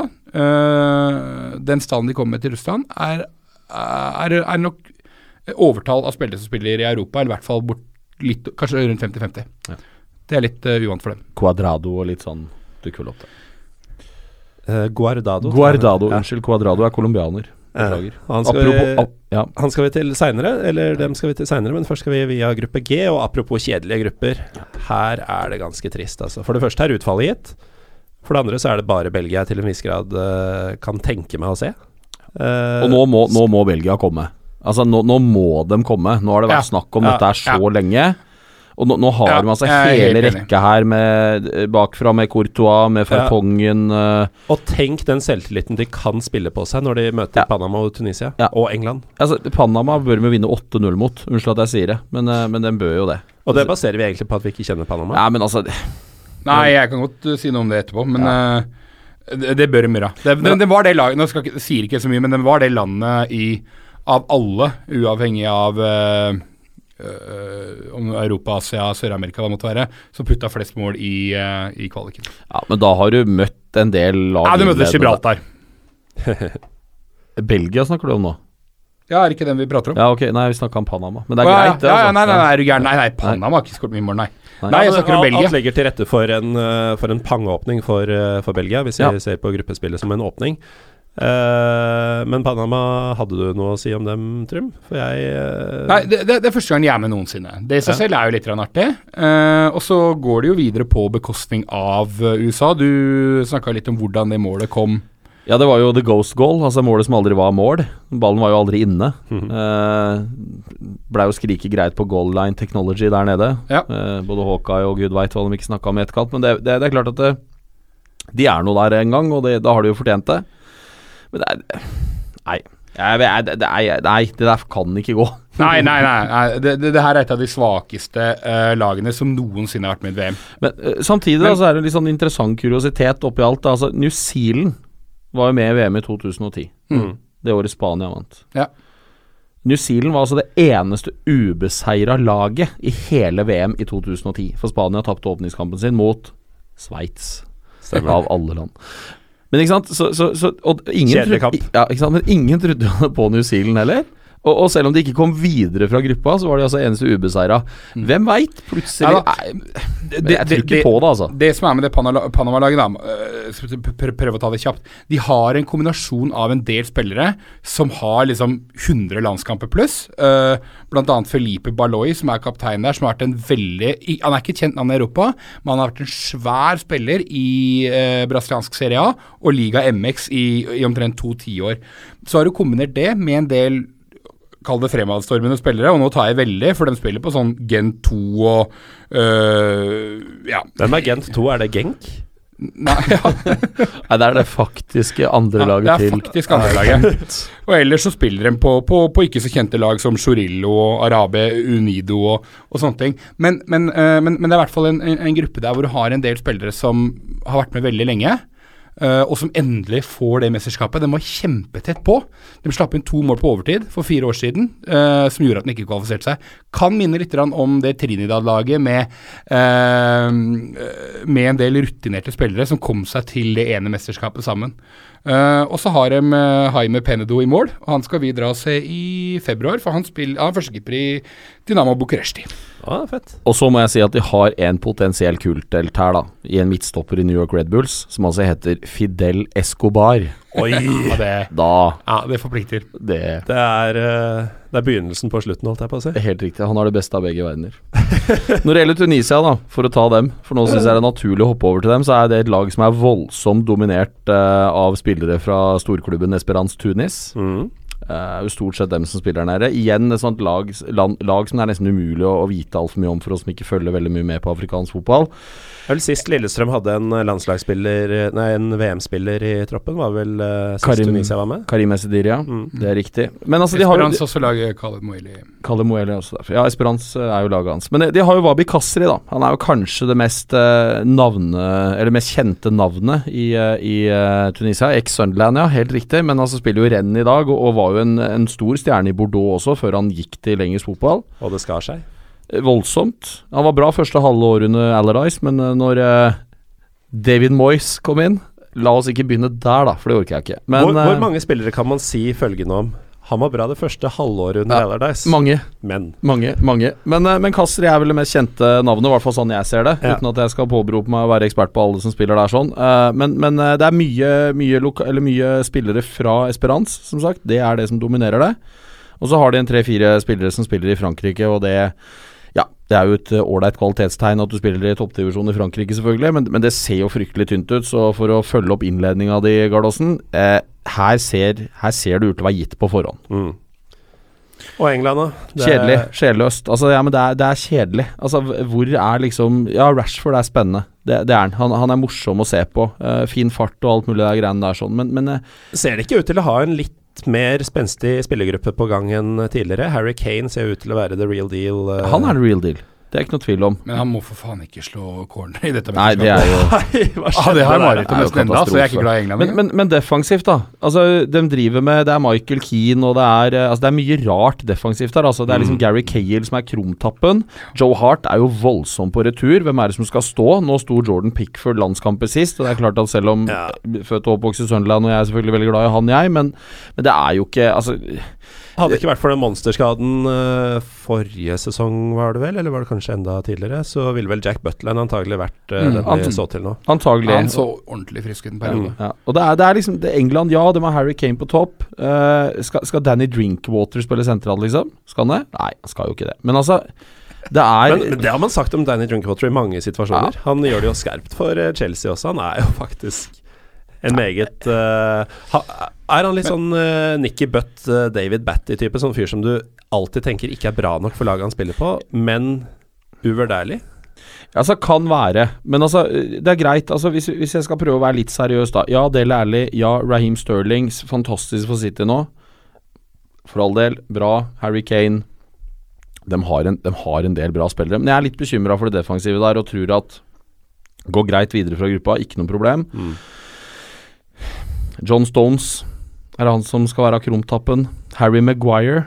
Nei. Det er, ja, men altså, det, Nei, er, men, men, men, men det er jo bra nok til å gå Ja. videre fra gruppe G, Ja. og så kommer de vel til å skuffe Ja, for det en haug med engelskmenn som har reist til Moskva og fått grisehjuling i en uke sammenhengende. De kommer til å slite der. De kommer til å få mye juling, uh, men det, det tåler engelskmennene. Fordelen deres uh, er at de vi- møter vinneren av gruppe H. Den blir nummer to i pulla, Det er jeg ganske sikker på. Jeg, jeg føler meg helt sikker på at Belgia faktisk tar England den gangen her. Da blir det nummer to, og da er de ganske heldige, for da får de eh, vinneren i gruppe H. Ja, Ja, men det er ikke sikkert det er så heldig, for det blir vel fort Colombia. Eller Polen. Ja. Uansett ikke sikkert det er så heldig, Neida. selv om det kunne vært Nei. meget verre. Polen er i hvert fall ikke heldig. Nei da. Nei, uh, ok, over til gruppe H, da. Det virker som du ser på Polen som favoritt foran Colombia, Trym. Ja, jeg syns Polen ser utrolig sterk ut. Utrolig sterk Ja. Nei, men det er jo Lewandowski Han har, han har jo putta et mål hvert 50. minutt. Det er kanskje det mest romerik, romerikske trykket på Lewandowski jeg har hørt. Til tross for at jeg har tilbrakt mye tid i Polen, så velger jeg å uttale det på den måten. Lewandowski. Lev Lewandowski. Lewandowski. nei, nei, men ja, nei, det, nei de syns jeg ser veldig, veldig bra ut. Og, og det, det, uten at de har sånn innmari mange stjernespillere, så virker det også som et ganske komplett lag, syns jeg. De er relativt Altså, det, er- er jevnt relativt bra i, i, eh, i hele stallen. De, de, jeg, jeg tror de kommer foran Colombia. Mm. Um, Senegal, levner vi de en uh, sjanse her, eller? Patrick? Man, Nei, gjorde altså- ikke det, man gjorde ikke det da de dukka opp i 2002, og de slo Frankrike og, og gikk greit videre fra sin gruppe. Frankrike som da var en av to store favoritter til eh, hele mesterskapet. De, de har en del eh, morsomme spillere, da. Sadio Mané, selvfølgelig, eh, som er en, en, ja, en fantastisk midtbanespiller. Det er jo liten tvil om det. Eh, og så har de jo gode, gamle Alfred Ndiaye, da. Som eh, eh, Ex-Sunderland. Ja. Ja. Fin midtbanespiller. Moussa Sow, da, som selvfølgelig du kjenner godt til, og Ah. som nå har eh, reist til Hvor er han er hen? Al-Ali eller noe sånt? Nå? Noe sånt. Ja, noe sånt Eh, vanskelig å si. Ja. Han, Men- han uh, skåra så mange brasser i det siste Ja. oppholdet sitt i Fenerbahçe at de Ja. begynte å trykke drakter med navn og nummer opp ned. Ja, ikke sant? Fantastisk. Men, men altså, jeg, jeg, når jeg ser på det laget til, til eh, Senegal, så har jeg vanskeligheter for å se for meg. Jeg, jeg, det, det ser litt sånn Jeg tror det er litt sånn typisk Jeg tror det er det typiske av de afrikanske landa som er med i år, som har den typiske afrikanske mentaliteten at uh, jeg spiller litt der det passer meg. Det er ikke så stram organisering og den biten der. Senegal er det laget som ser mest rotete ut av de afrikanske landa, og det tror jeg blir banen deres, da. For de har ikke sterke nok individualister Nei. i laget, spesielt ikke defensivt. Der er det vel Kara som spiller midtstopper, antagelig. Tidligere Tromsø-spilleren. Mm. Han skal liksom være den som binder alt sammen bak der. Sikkert sammen med han uh, som spiller i Napoli. Eh, Koulibaly. ja, takk. Ikke sant? Så, så vi, vi Jeg, jeg ville vel heller framheve han først enn Jo, eh, jo enn. Karam Borch. Jo da, men, men, men, men det er nok der det lander, da. Og det er Ja. klart, det er jo brukbart nok, det. Men jeg, jeg tror det blir mye sånn hodeløse høns ute og går der, altså. Jeg, jeg tror ikke de skal videre fra den gruppa, men det er veldig gøy å ha med Senegal. Ja, ja. De har ikke vært med siden 2002. Det er jo alltid noe morsomt med Senegal. Det er jo Altså, Senegal er et kult land, på en måte. Ja. Øh, så Ja. Men jeg, nei, jeg tror ikke de skal videre fra den gruppa. Nei. Øh, og så er de jo der på bekostning av et par andre fete land øh, som ikke har fått være med, som vanligvis er med. Uh, Kamerun er ikke med, Ghana er ikke med, osv. Elfenbenskysten. Ja, ikke minst. Så, Ja. så, så det er jo sterke afrikanske land som ikke har kvalifisert seg. Mm. Og da må man jo anta at det kanskje bor litt mer i noen av de afrikanske landene som er med, enn det vi kanskje er klar over. Mm. Blant annet fordi de, vi har ikke sett så mye av dem siden de ikke har vært med siden 2002. Men da er vi litt tilbake til det der halvveis uforståelige preget som den afrikanske kvaliken har. At eh, det er liksom aldri de som uh, Eller ofte er det jo det. Nigeria er jo f.eks. alltid med, men det er ikke noen rød tråd da i, uh, i hvem som er gode det ene året til det andre året, og hvem som gjør det bra i den ene kvaliken og det ene mesterskapet kontra kvaliken til VM. Så, så hva Senegal har gjort i kvaliken, er ikke sikkert det er relevant lenger når vi kommer til Neida. går et Nei, det, det, det, det kan godt tenkes. Og så er jo litt tilbake til den ranten jeg har hatt et par ganger tidligere i kveld også, at det også er et lag der 40 av spillere er franskmenn. Uh, og så er det ikke alltid det trenger å bety at du har en gruppe med veldig sympatiske typer. Uh, for det er ikke alltid Jf. 2010. Ja, og x antall andre franske eh, årganger. Men jeg tenker at de er ok, men jeg tror ikke opp mot særlig da Polen-Colombia, så tror jeg ikke de skal De skal ikke videre, tror jeg. Men et artig bekjentskap, uh, eller gjensyn, blir det fort. Jo, men det, det Ja, kan bli moro, for er det én ting jeg er sikker på, så kommer det, altså det, det kommer til å være utradisjonelt. Altså For oss som ser normalt sett europeisk fotball, og veldig mye vesteuropeisk eh, fotball, med stram organisering uh, som det har blitt etter hvert. Altså Det var jo der Norge var god i 94-98, det er liksom der har vi blitt tatt igjen der òg. Ja. Her kommer det noe annerledes, og det er gøy. Mm. Og det, det blir jo litt sånn eh, Jeg kan jo tenke meg f.eks. Senegal-Colombia må jo bli et artig Det tror jeg blir kul match. Ja, men er det ikke liksom alle de fire lagene at det er fire veldig forskjellige lag òg? Så det kan bli Jo. en ganske kul gruppe. Ja da. Og hva ja, Apropos Eh, det fjerde laget, Japan. Ja. Vi må i hvert fall nevne dem. hva, Um, hva får du der? Vi har ikke snakka veldig mye om Colombia heller, da. Men eh, Nei, men der eh, håper jeg i hvert fall at vi får en videreføring, eller i hvert fall noe som ligner på det vi så i 2014. Ja, det var de ble mine kjæledegger. Men jeg er spent på En ting jeg er spent på med Colombia. En ting med Colombia som vi Ja. må nevne, er at Ja. Falcao var jo skada forrige gang. Yes. Og han er jo ikke bare friskmeldt, men han er jo faktisk tilbake mer eller mindre han der han var i landsdagen. ja. Han er rett og slett blitt god igjen. Mm. En som ikke har blitt god igjen, i hvert fall sånn jeg ser det, det er jo Bakka. Og hva skjer med han? Jo For to-tre år siden så var han var jo Mm. heitest i Europa, nærmest. Ja, ja Mm. visst. Altså Alle skulle ha noe, alt så så bra ut, og nå er det liksom Nå er det Villarreal, og det er, det er Han er jo ikke der lenger, det, det er jeg spent på. Han dro til synkehullet AC Milan. Ja, ikke sant? Det er litt krise å gjøre. Men, men, jeg, men jeg er veldig, veldig veldig spent på han, om han kommer i form. Og hvis han begynner å skåre litt goller og er i draget, så tror jeg Colombia kan overraske stort i det mesterskapet her. For de er avhengig av det bakover, syns jeg det ser ganske bra ut. Davinson Sanchez har jo kommet inn. Mm. Spiller jo strålende i, i Tottenham, uh, hører jeg rykter om. Zapata i Milan er jo en solid, bra fyr. Mm. Som Eh, riktignok ikke spiller A-lagsfotball. Nei, men han er jo en bra fotballspiller. Det er han. Eh, og det at, han, at det går ad undas der, det er jo Ja, det skyldes nok helt Mm. andre ting enn han. Men så har de jo midtbane med Hames, eh, som sikkert kommer til Eller James eller Bond, eller hva han heter for noe, som sikkert skal gjøre det bra. Og, Og nå kan du si Cuadrado. Juan, Juan Cuadrado. Og hvis de spiller med Hvis de får i gang Bakka da og spiller med to spisser, han Yes. og Falcao, og har Cuadrado og uh, Hames til å fòre dem, da Yes. kan det, bli gøy. er Altså. Spennende. Ja. Eh, og, de, og, ja, eh, og de havnet vel Hvor havna de? Andreplass i, i sin kvalik... Uh, Kvalikgruppe? Kan godt være. De kvalifiserte seg i hvert fall med bravur. Ja. Eller de kvalifiserte seg i hvert fall. Ja, ja, ja, men altså Jeg Argentina, for meg. ah, ok, Nå husker jeg faktisk ikke den, eh, hele den eh, tabellen her i hodet, men, men, men Argentina sleit lenge. Chile er ikke med. Uh, uh, ja. Ja, Ja, men- men, men jeg er enig er å ta i de uh, Jeg tror, du har to, jeg tror du har tre potensielt fantastisk morsomme matcher i det derre Ja. Eller unnskyld, ja, Ja, eh, ja, tre ja. fantastisk morsomme matcher helt i den gruppa her. Gruppe Med, blir rett og slett gøy. ja, men jeg tror det er pga. Japan, da, ikke pga. dem du mener. mm. Colombia, Senegal og Japan, de tre laga der sånn mot hverandre innbyrdes, det tror jeg kommer til å bli heftig. Fett. Det er jo en veldig interessant gruppe, selv om det ikke ser sånn ut uh, med, det, med det blotte øyet. Da har vi vært gjennom eh, alle gruppene, og uten at vi skal ta steg for steg videre, så må vi jo komme med noen eh, favoritter. Hvem vi, hvem vi tror eh, vinner. Eh, Patrick? Ja, nei, altså Det, er kun én favoritt i mine øyne, og det er Tyskland. Altså Det er favoritten. For meg er det det. Det er favoritten. Fordi de, de er så komplette, de har så mange strenger å spille på. Um, og det er så strukturelt ryddig, og, og alt er bra. Og de kommer til å ha det mest profesjonelle opplegget, mest profesjonelle apparatet. Altså alt, Harmoni. kommer til, ja, alt ligger til rette. Og så tror jeg at eh, hvis Brasil eh, klarer å være balanserte, at de igjen kan utfordre. Frankrike tror jeg også kan komme oppi der. Um, og dette er jo selvfølgelig det mest vanlige å snakke om, og så er det da eventuelt å ta en dark horse, og, og da er det for meg ganske fristende å si Colombia.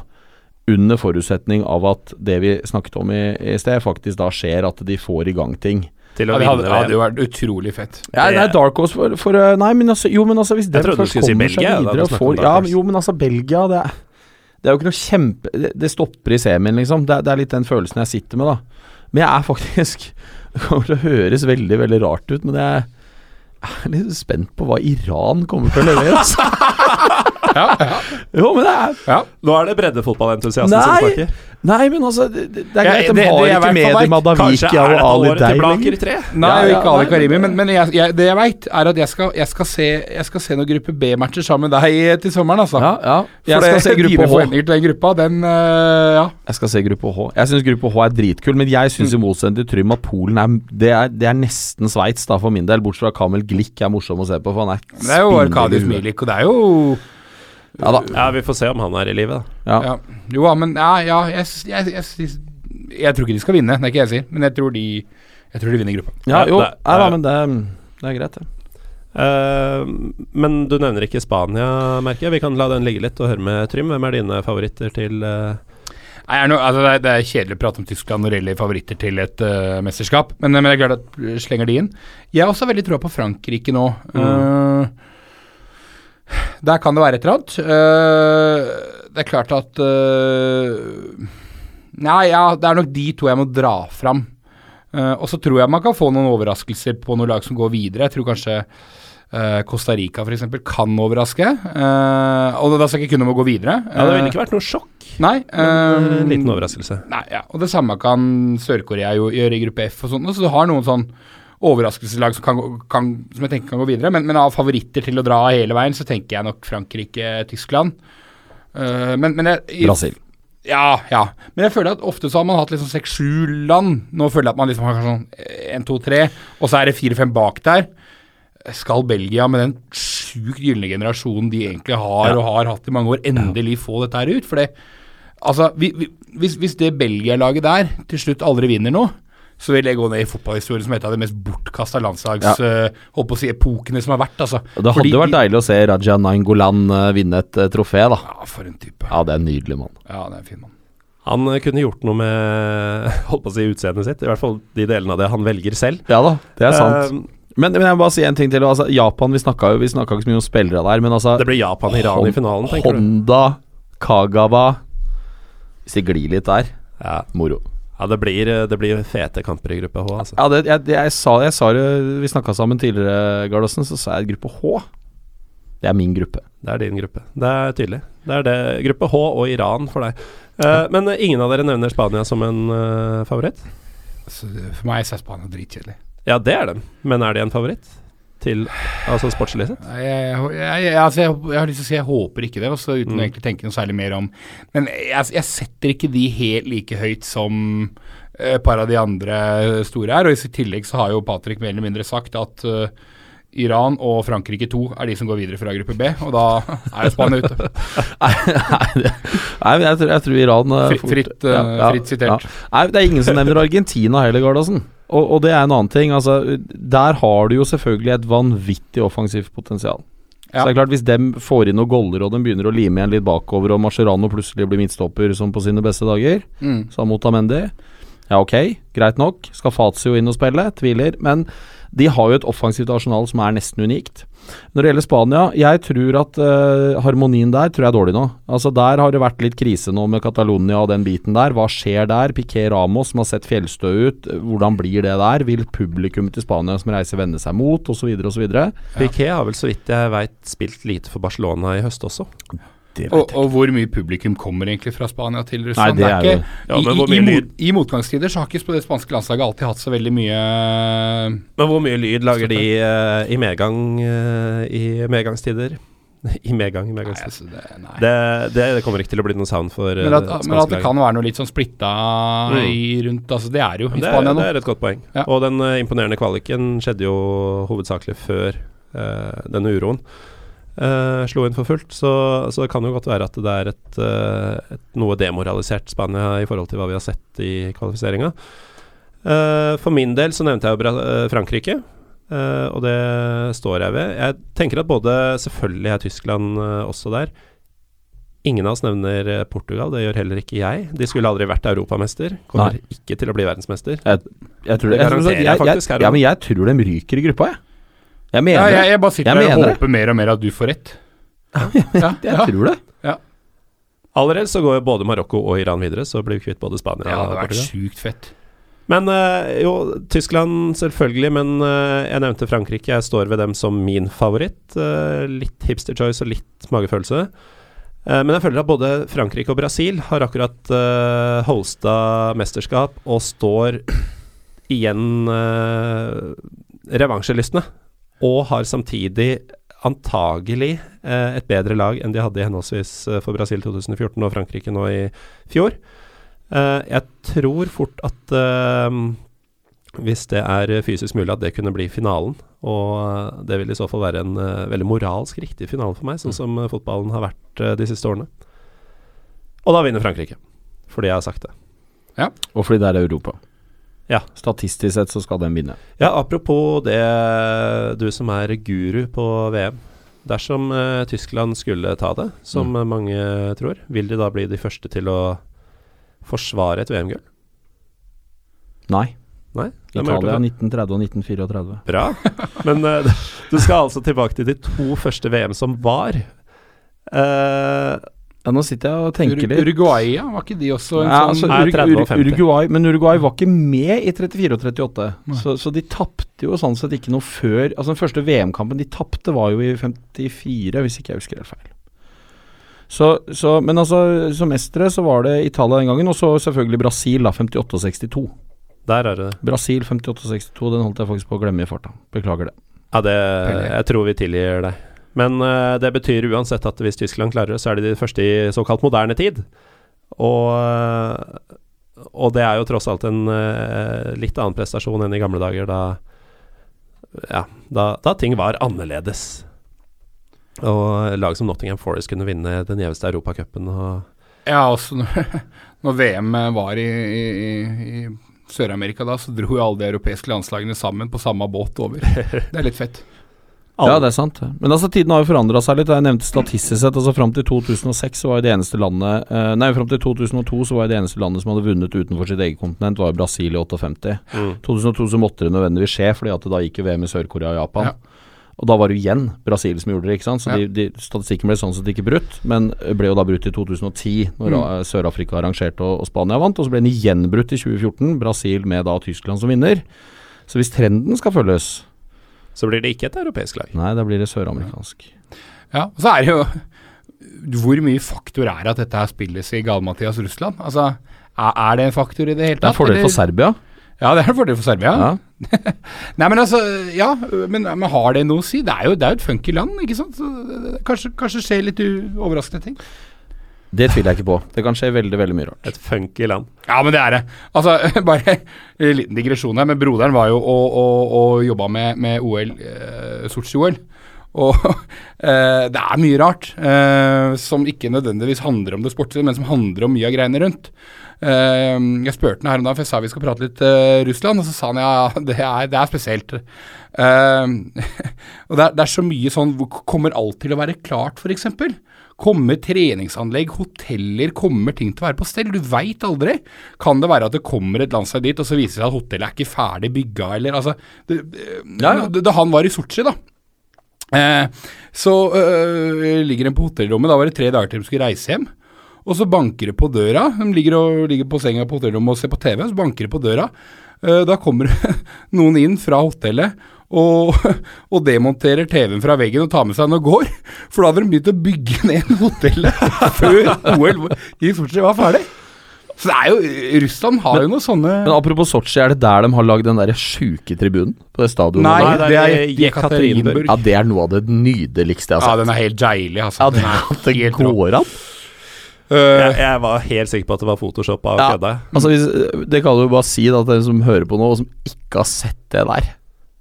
Det må bare googles. Ja. Umiddelbart. Ja, uh, alle, altså flere av stadionene her har vært en titt, men akkurat den er helt, helt uh, Jeg har aldri sett noe, av Ja, det er egen klasse. Nei, og det verste er at den er bygget på stillaser også, så det ser jo, det ser jo, ganske, det ser jo ganske skummelt ut. Men uh, Uh, og, og, og, stadionet stadion er også egentlig noe man kunne prata om, fordi at det er jo St. Petersburg og sånt, og som den mener nå har brukt ti år på å bygge og mener at den har kosta ti milliarder eller noe sånt helt sjukt. Den staden aleine har kosta mer å bygge enn hele mesterskapet skulle koste. Eh, men ja, til lytterne, ta altså google Sinara Arena. um, og, og hvordan de har bygget opp den. Nei, nei, er det Volgograd, kanskje? Nei, det er Ekaterinburg Ja, ok, som ja, er da er det Ekaterinburg. Mm. Uh, ja, så, men, men det blir fine anlegg hvis de blir ferdige. Trym, Ja. sist du var med, Ja, er den eneste episoden som har gått over to timer. ok. Hvor lenge tror du vi har sittet nå? Uh, nei, altså, Tida går fort når jeg prater med deg, Patrick. da. Og ikke minst når jeg ranter om det. Ja, ja, nei, jeg vet ikke. Vi er kanskje- over to timer, i hvert fall. Vi er på to timer og seks minutter nå. Oi. Det betyr at vi kanskje Det er vel blir på kasta tide ut snart. Ja, vi Noen av oss har jobb i morgen og sånn. Uh, takk til deg, Patrick Ween, for at du var med. Tusen takk for eh, invitasjonen. Takk til deg, Trym Hogner, for at du var med atter en gang. Takk, eh, takk for at jeg får lov til å være med, og beklager at vi eh, går noe på overtid. Ja, det, det får være greit. Eh, som sagt, udelt positive tilbakemeldinger forrige gang det skjedde, så får vi se om den trenden varer, apropos statistikker. Eh, og takk til dere som hører på fortsatt, ikke minst. Uh, er dere fortsatt med oss, så vil jeg gjerne minne dere på å være med på konkurransen vår ved å sende oss uh, ditt beste Ford-øyeblikk på sosiale medier. Hva du legger i det, er opp til deg. Og apropos sosiale medier. Vi er Pyro Pivopod på Twitter og Instagram. Jeg heter Morten Galaasen. Dos vidania.